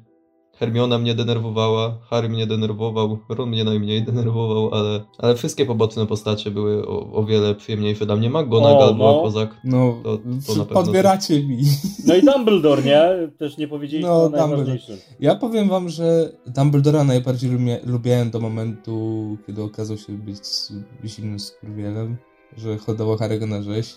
Do tego momentu go lubiłem, ale jak się okazało, to trochę Dumbledore z, pier- Dumbledore z pierwszych dwóch części, jak Tak, był to takim tak, szalonym staruszkiem, co robił swoje śmieszne, staruszkowe rzeczy. Ale no oczywiście, no standardowo Snape, McGonagall, Slughorn, ale jest jedna postać, w sumie dwie, które, no jedna się pojawiła na krótko, druga w ogóle.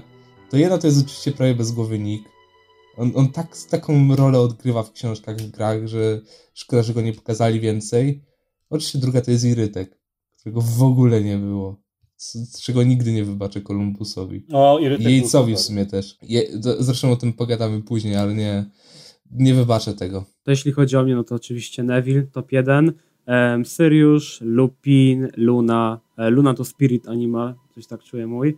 E, lubię Firenzo. W książkach fajnie pokazali jego backstory oraz to, jak się odczepił i lubię tą taką filozoficzną stronę jego. Dalej z innych postaci, no to oczywiście McGonagall, tak jak wspomnieliście. Z Gryffindoru, kurde, w Gryffindorze było sporo fajnych em, osób. Dean Thomas, był, Dean Thomas był naprawdę spoczko. Choć też trochę nierozwijany, ale generalnie bardzo go też polubiłem. Z innych postaci, no to myślę, że już wszystko wyczerpaliście. No i na koniec muszę dodać, no Harry, no ja muszę dodać, bo mi był zły na siebie. Ej, w ogóle ja sobie jeszcze przypomniałem, że Lucius Malfoy był fajnie napisaną postacią. No, może był dobrze napisany, ale go nie lubiłem. Ej, w ogóle ja zapomniałem, że, że Quirrell był. Wczoraj, wczoraj oglądałem. Na, a pierdolić go na łeb. Quirrell miał tak rozpisaną historię w książkach, oni to tak zajechali. Jak miał rozpisaną? No, był w Albanii, Nie zawsze śmieszę, że nikt, nikt mu na rozmowie o pra... Nikt mu na rozmowie o pracy nie powiedział Dzień dobry, czy, czy może pan zdjąć turban grzecznościowo?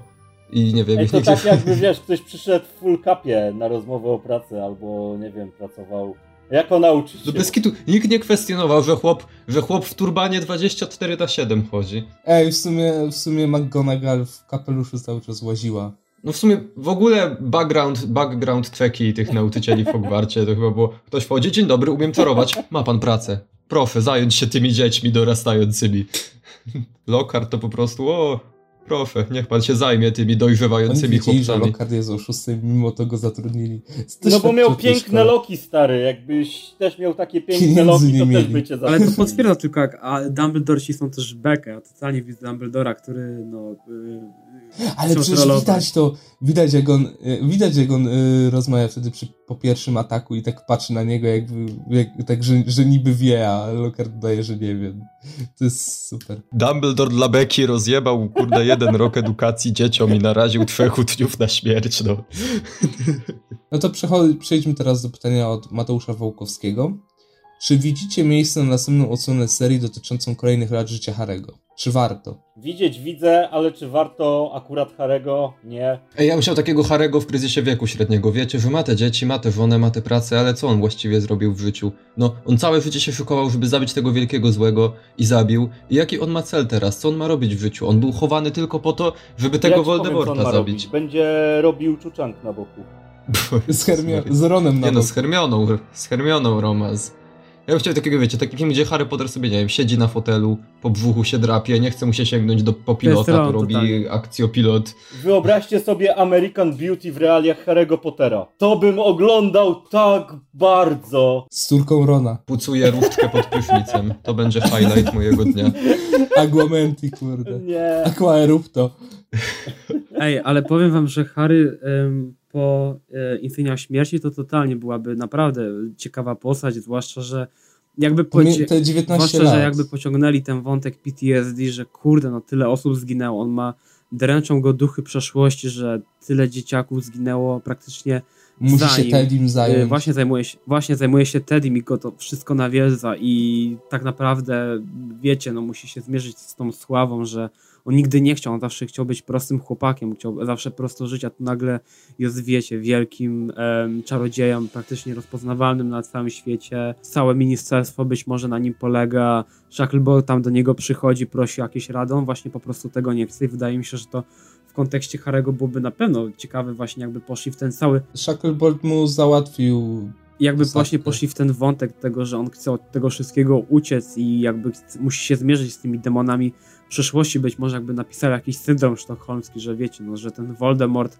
choć ta blizna już wiadomo, mu, mu nie dokucza, to jakoś o tym Voldemorcie wciąż nie może za- zapomnieć, wciąż mu coś, coś mu przeszkadza mu w tej Nie no, postaci. blizna mu znika. Nie no, blizna jest, ale go nie boli, o to chodzi, ale jakby Nie, w sensie blizna mu znika, bo już 19 lat później, jak widzimy, to już No prawie nie ma, a prawie dobra, nie ma. ale bardziej chodzi mi o to, że jakby ten. Voldemort mu przeszkadza w takim znaczeniu, że no czegoś jeszcze nie rozumie, jakby ma taki syndrom sztokholmski, że no wiecie, no jest masa takich e, motywów, które można byłoby pociągnąć z kary po, tym, po tej części. Wydaje mi się, że jakby jakiś mądry scenarzysta chcąc opowiedzieć właśnie taką historię właśnie z PTSD, z takimi problemami, którymi Harry musiałby się zmierzyć właśnie w kontraście od tego, wiecie, wielkiego wybrańca oraz tego e, UP optymistycznego zakończenia, to, to byłoby coś naprawdę, uważam, wybitnego i z chęcią bym coś takiego zobaczył. A jak ni- nikt nie napisze tego, to ja to napiszę. Okej, to kolejne pytanie zdaje Sałata.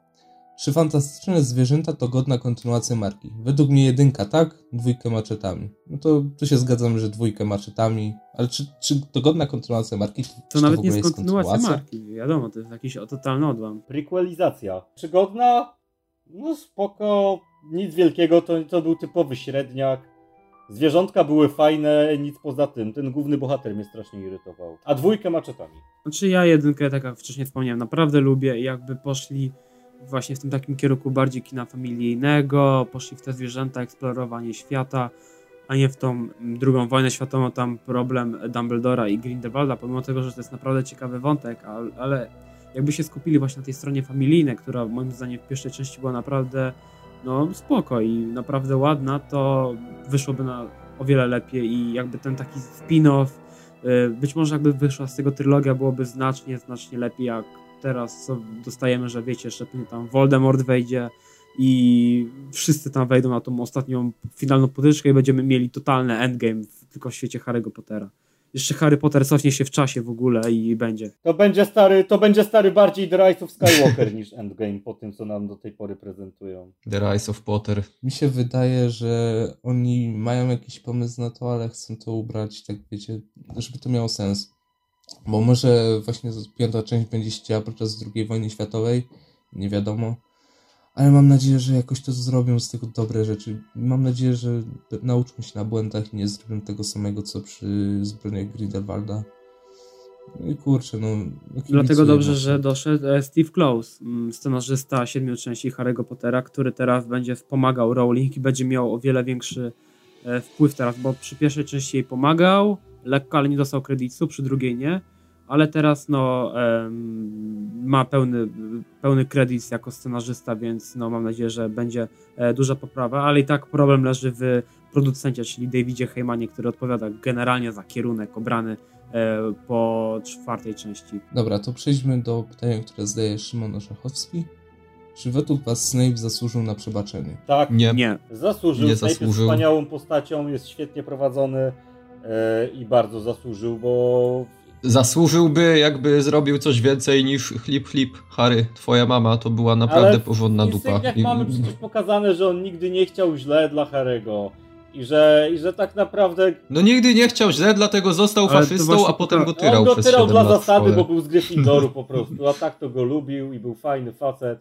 I Snape, nie, Snape był wielkim człowiekiem, ja go bardzo lubię. A ja, no to ja totalnie odbiję piłeczkę. Ja nigdy nie lubiłem Snape'a za to, że jak on był strasznie, no po prostu niemiły, a zawsze pamiętam jak czytałem Czarę Ognia, jak on właśnie śmiał się z wyglądu Hermiony na przykład i w ogóle, no często wytykał kompleksy tym wszystkim uczniom i no wiadomo, tam była trauma przez tam ojca Harego, ale no generalnie to nie zmienia faktu, że no Snape był generalnie chujem i tak, no racja, no miał jakiś swój redemption, ale to nie oznacza, że nagle powinniśmy mu budować, wiecie, no jakieś pomniki. No dla mnie to nadal, biorąc pod uwagę to, że był po prostu no, miłym i niedobrym człowiekiem e, w kontekście innych uczniów i po prostu faworyzował resztę, no to wciąż jak dla mnie nie skutkuje tym, że to jest jakaś pozytywna postać. Choć szanuję go za to, że mimo wszystko jakoś kilka razy e, uratował dupę haremu, ale to nie zmienia faktu, że był no, chujem.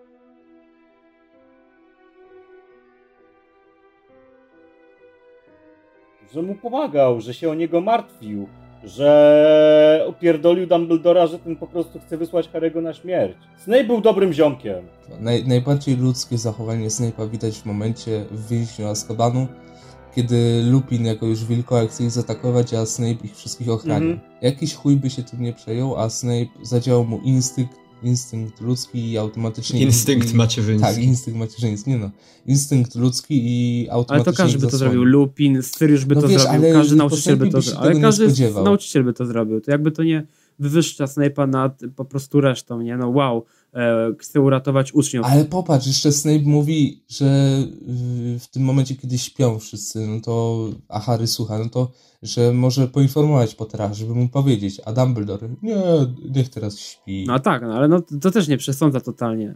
Ja, jak dla mnie to i Dumbledore i Snape to byli naprawdę cwelowi ludzie. Może nie tacy maksymalnie cwelowi, ale... Jak oglądam, jak robiłem sobie rewatch teraz i cały czas na Snape'a patrzę, to po jego mimice widać, że on nawet w tych najgorszych momentach, co byś się po nim spodziewał, że on się tym nie przejmie, to po jego mimice widać, że on się jednak przejmuje. Ale to też wiesz, e, w książce Snape inaczej działał, a na ekranie działa inaczej i Alan Rickman tutaj zrobił kawał tytaniczny. Akurat to racja, że Rickman super. No ale jak dla mnie przejmował się tylko dlatego, że robił sobie jakąś projekcję, bo to był syn Lili i muszę się zająć, to jest syn mojej No i totalnie, jeżeli Loomis Snape stracił tym, jak pogrzebał sobie relację Lili e, z Lili właśnie, jak ją tam, z, no obrażał ją później tam już, nie pamiętam, od szlam i em, choć jemu nic nie zrobiła, zawsze Lily była dla niego dobra, a tak naprawdę pogrzebał sobie tą relację poprzez to, e, no właśnie, poprzez to, że jest zwykłym chujem. No Snape to jest To 100% Joker, taki to jest nice Joker guy internetowy. e, Harry'ego Pottera. We live in a wizarding world. Dobra, to przejdźmy teraz do pytania Michała Kryńskiego. Jako najzagorzalszy fan Pottera muszę o to spytać. Jaka jest wasza ulubiona, mało znana postać, którą filmy pominęły albo dały jej za mało czasu? To ja może wyjadę, że taka, której w ogóle filmy nie pokazują, to właśnie Irytek, którego żałuję, że nie pokazali, bo sceny były nakręcone podobno, a ich w ogóle nie wrzucili do wyciętych, o czym czego bardzo żałuję. Tak, postać, która dostała za mało czasu, no to według mnie prawdziwy Moody. Nie ten, który niby był Barty Crouch Jr., tylko ten prawdziwy, prawdziwy, który tylko pojawił się na chwilę. No, na pierwszą scenę powiedzmy w Zakonie Feniksa, potem na końcówkę Zakonu Feniksa i potem zginął w Insygniach Śmierci, a tak naprawdę on przez tę książkę miał duży ark. Bill Weasley to też trochę dla mnie taka postać, która poja- powinna się pojawić w szóstej części. W szóstej części w książkach Harry go poznaje podczas po śmierci Dumbledora i dowiaduje się, że Greyback No w całej tej pier za... pierwsza bitwa o Hogwarts poznaje- przecież była też fajnie w e, Księciu Półkrwi e, opisana, nie? No, tak, ale kurczę, ja liczyłem na to, że jednak go pokażą, a postać, którą filmy pominęły, mało znana postać, no Firenze według mnie, Właśnie, bo on miał tak, najfajniejszy Firenze, ark w piątej części, że on zamiast Trelawney wszedł i był tym wróżbitą, właśnie, że go wyrzucili ze stada e, centaurów, bo właśnie on był tym uczonym, chciał być tym uczonym, chciał uczyć i to według mnie naprawdę super by wypadło w filmie, nawet na chwilę, gdyby to pokazali, ale no niestety. To u mnie to samo co u Wiktora i do tego bym jeszcze dorzucił e, Wiktora Kruma w Czarze Ognia, gdzie totalnie spierdolili jego wątek i jego relacje z Hermioną. A w książce to było naprawdę fajnie poprowadzone. No, no to jeśli chodzi o mnie, no to tutaj zdecydowanie Percy Wesley, e, trzeci najstarszy brat z tej rodziny. E, no to jest fantastyczny. To jak generalnie poprowadzili tą postać od tego e, prymusa, Butsa oraz tego, że odciął się tak naprawdę od rodziny i choć go to tam wiadomo, w głębi serca bolało, to wciąż dla niego najważniejsza była kariera oraz wiara w instytucje, w ministerstwo, e, w tą propagandę. No i później wiadomo, tam bitwa o Hogwarts oraz to, jak powoli znowu przybliżał się do rodziny, do mamy, która gdzie tam Molly totalnie cierpiała z tego powodu, że nigdy jej syna no, od dłuższego czasu nie było na świętach, widziała go. No i później jak już tam w bitwie o Hogwarts stają e, bracia ramię w ramię i walczą koło siebie. E, to też uważam naprawdę piękny wątek. Dalej, no to, to Tom Riddle, no wiadomo, to postać totalnie była rozwinięta w czarze, w Księciu Półkrwi tak naprawdę, obok Harry'ego e, i, i Dumbledora, to główna postać, to ile dostała backgroundu w Księciu Półkrwi, no to często sobie zadaję pytanie, czemu, czemu tego nie dali? To jest najlepszy wątek w całym Harry Potterze i będę tego bronił do końca życia. E, no szkoda, że nie dano trochę Meropy, Gaunt, e, czyli matki Voldemorta, bo to też jest najbardziej tragiczna postać w chyba całym uniwersum też taki przykry wątek. Szkoda, że jej Rydka nie było, choć ciężko widać pasować go. W ogóle jeszcze przepraszam, że ci tak się wbija, ale w ogóle Charlie'ego Wesleya nie było. Tak naprawdę on No tak, no niby tak, ale on też nie miałby takiej, wiesz, funkcji czysto z perspektywy dramaturgicznej. Ale mógłby się pojawić, zwłaszcza, że widzimy Na go na jednym tym zdjęciu zdjęciu, no niby jest, no ale ciężko byłoby go tak wpasować. No jakby wydaje mi się, że w ramach filmowych dobrze jest tak naprawdę, no jak to pozostało, nie? Ludo Bagman, pomimo tego, że jest no, starym tutaj z bokiem i starym na emeryturze sportowcem, to wydaje mi się, że w ramach filmu jednego też by nadał dynamiki, ale to też trochę mm, o jedna postać za dużo, no to w sumie to jego nie. Tyle ode mnie. Ja osobiście, Boże, imienia dosłownie mi wyleciało z głowy, ale była taka pani, pani z krzat domowy, która często Mrużka. wyszła z Gretkowi. O, no, jej mi bardzo brakowało, bo pamiętam z- bardzo, w, W ogóle, wątek- bardzo lubiłem tak, z Gredek. krzatami Mało z Gredka. książkach. Zgredek powinien być o wiele, e, no więcej, powinien dostać czasu filmu. Właśnie, z Gretka powinni w Księciu Półkrwi pokazać ten wątek cały Hermiony, jak to stowarzyszenie tworzyło. Mhm. No mówię, no strasznie po macoszemu potraktowali ten wątek, a był super, no przecież brali kurde czynny udział w bitwie o Hogwart, tego w ogóle, co nie było pokazane w filmie. A cieli nożami po prostu. Kurde, czekajcie jeszcze, brakuje mi, wiecie, tego, jakiś retrospekcji z Regulusem e, Blackiem, bratem W instygniach, jak ten jak stworek opowiada, No. jak im to robili. Jak To też jest tak amulet. totalnie niesamowita postać, że odkryła ten sekret Voldemorta i w ogóle jako pierwsza, w ogóle zawsze pamiętam i fascynowało mnie to w ogóle, kto to jest tam pod koniec Księcia Półkrwi, bo ja najpierw oglądałem film, a później książki. Fajna postać. Szkoda, że małego, mało backgroundu dostała, ale też ciekawa postać i fajnie byłoby ją zobaczyć w filmach. A postać, która według mnie już tak najbardziej cierpiała, już tak kończąc y, w tych filmach, to Oliver Wood, który zawsze był nokautowany. A to też był najbardziej ambitny chyba chłopak z Podwarci. Też mi go było szkoda, jak przegrał. Cały czas a wzięli go do reprezentacji Wielkiej Brytanii w pobiciu.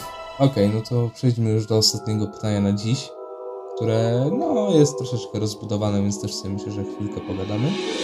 I ostatnie pytanie zdaje nasz grafik Mateusz Ternicki, którego jeszcze raz pozdrawiamy. Co sądzicie o twiście na koniec fantastycznych zwierząt i jak je znaleźć, gdy okazuje się, że Percival Graves tak naprawdę był Grindelwaldem, przez co konieczne było obsadzenie w tej roli Johnego Deppa. Colin Farrell sprawdził się, sprawdziłby się dla was w jego roli lepiej. E, Colin Farrell jest zdecydowanie lepszym aktorem niż John Depp, nie podlega żadnym wątpliwościom. Czy, czy Colin Farrell byłby lepszym Grindelwaldem? Ciężko mi powiedzieć. Znając życie, pewnie by był, chociaż na pewno byłby mniej charakterystyczny, charakterystyczny niż Depp. Depp całkiem sobie spoko poradził. W sumie dla mnie wszystko. Chociaż wolałbym Farrella. Farrell Ja Farrella jako aktora nie lubię za bardzo. Nie wiem, czy to nie jakiś, jakiś taki wstręt, ale Ja się, wiesz co, ja się bardzo jest mocno zwierzęta- przekonałem do Forela e, przy okazji filmu Terego Gilliama e, Parnassus. Tam Farel świetnie wypadł. Znaczy w Parnasusie też, ja, ja uwielbiam Parnasusa, super film, też lubię tam Farrera, ale Farrell to, jak ja patrzę na Farrella, to ja widzę tą mordę tego gościa, którego nie za bardzo lubię, a w Fantastycznych Zwierzętach akurat się według mnie idealnie wpasował. Idealnie umiał grać tego, tego typa, co gra na dwa fronty. Idealnie to zagrał według mnie. No i czy by się sprawdził jako Grindelwald? No myślę, że mógłby. Zwłaszcza, że tutaj widzimy inną inkarnację Grindelwalda, bo wiadomo, w siódmej części, jak widzimy tego starego Grindelwalda w swoim zamku w więzieniu, to już nie wygląda tak młodo, hehe. I nie ma tych, y, tej heterochromii. A tutaj ma i jestem ciekaw, jak oni to rozwiążą ogóle. Ja też bardzo lubię Farela i też y, aktorsko wolę go po prostu osobiście od Johnego Deppa, więc jestem ciekaw jakby to wyglądało, gdyby to jego pofarbować na biało i gdyby to on był tym takim... Ale nie musiał być farbowany na biało. Nie musiał być. Nie musiał, ale Colin Farrell wygląda dobrze pofarbowany na biało, bo są jego zdjęcia. Colin Farrell zawsze wyglądał biało. A to, to też prawda. Nie no, w Lobsterze wyglądał jak, jak twój wujek, ale... To, to, ale i tak wyglądał jak twój przystojny wujek. Więc, y, a co sądzę o twiście? O Jezus Maria. No, no był sobie, był sobie twist. No tak, no musie, musieli zrobić jakiś wielki No, twist. musieli jakoś Czy to mogło skończyć tak, że udało się. mogło nie być w ogóle postaci Percivela Gravesa, tylko zrobić od początku Grindelwalda i... No i, i by się I film film nic obył. by na tym nie stracił totalnie. Mógłby się film zacząć, druga część od tego, że złapali, że natknęli się na trop Grindelwalda w drugiej części po prostu i ucieka i tak mogliby to zacząć. To by nic nie zmieniło. No, ja szczerze powiedziawszy tego twistu nie lubię, bo to potwierdza to, jak Rowling zmieniała ten scenariusz, że na początku miała pomysł na trylogię, skupiałam tylko na Newcie oraz wiadomo tam zwierzątkach, a później wszedł ten Grindelwald i to widać ten twist po tym twiście, że miało być totalnie inaczej. E, dlatego te, nie lubię. Wydaje mi się, że to mo, rozwiązać prościej, czyli po prostu, że Farrell ucieka i dołącza tam do e, ruchu Grindelwalda i pokazać po prostu ten wątek, że tam jak ta ideologia Grindelwalda nawet działa na tych wyżej postawionych. A po prostu mogli pokazać, że on już od, że on od początku był zwolennikiem. Pewnie, no tak. I, ten, I dlatego ja tego twistu nie lubię. A jeśli chodzi, jakby się sprawdził jako Grindelwald, szczerze powiedziawszy, Depp jest spoko w tej roli, daje dużo od siebie temu z jednej strony em, takiemu mówcy, manipulantowi, ale Farrell też byłby genialny. Ja też kocham Polina i dla mnie obojętnie, powiedziawszy. No właśnie, z racji, że ja Farrella nie lubię, tak, tutaj go lubię, więc to dla mnie dużo znaczy. jego. No dobra, no to na tym będziemy kończyć. Dziękujemy Wam bardzo za to, że jeśli dotarliście do tego momentu i że spędziliście z nami prawie te dwie godziny materiału. Oczywiście dziękujemy wszystkim za wszystkie pytania, które dostaliśmy. Y, Druga część powinna pojawić się jakoś dwa dni później, Zobaczymy, jak będzie mi się chciało montować, to będzie szybciej, jak mi się nie będzie chciało, to będzie później. Także jak coś, to moja wina. Jakby, był, jakby były poślizgi, to moja wina. Tak, ale drugą część na pewno dostaniecie i będzie w innym składzie. Ale zapowiadamy, że pytania w drugiej części też będą ciekawe naprawdę. No i co? No i dzisiaj ze mną był razem Paweł, Narka, trzymajcie się. Wiktor Siemanko. oraz Filip. No do zobaczenia. Ja byłem Wiktor i trzymajcie się, dzięki, że z nami byliście. Do usłyszenia. Hej.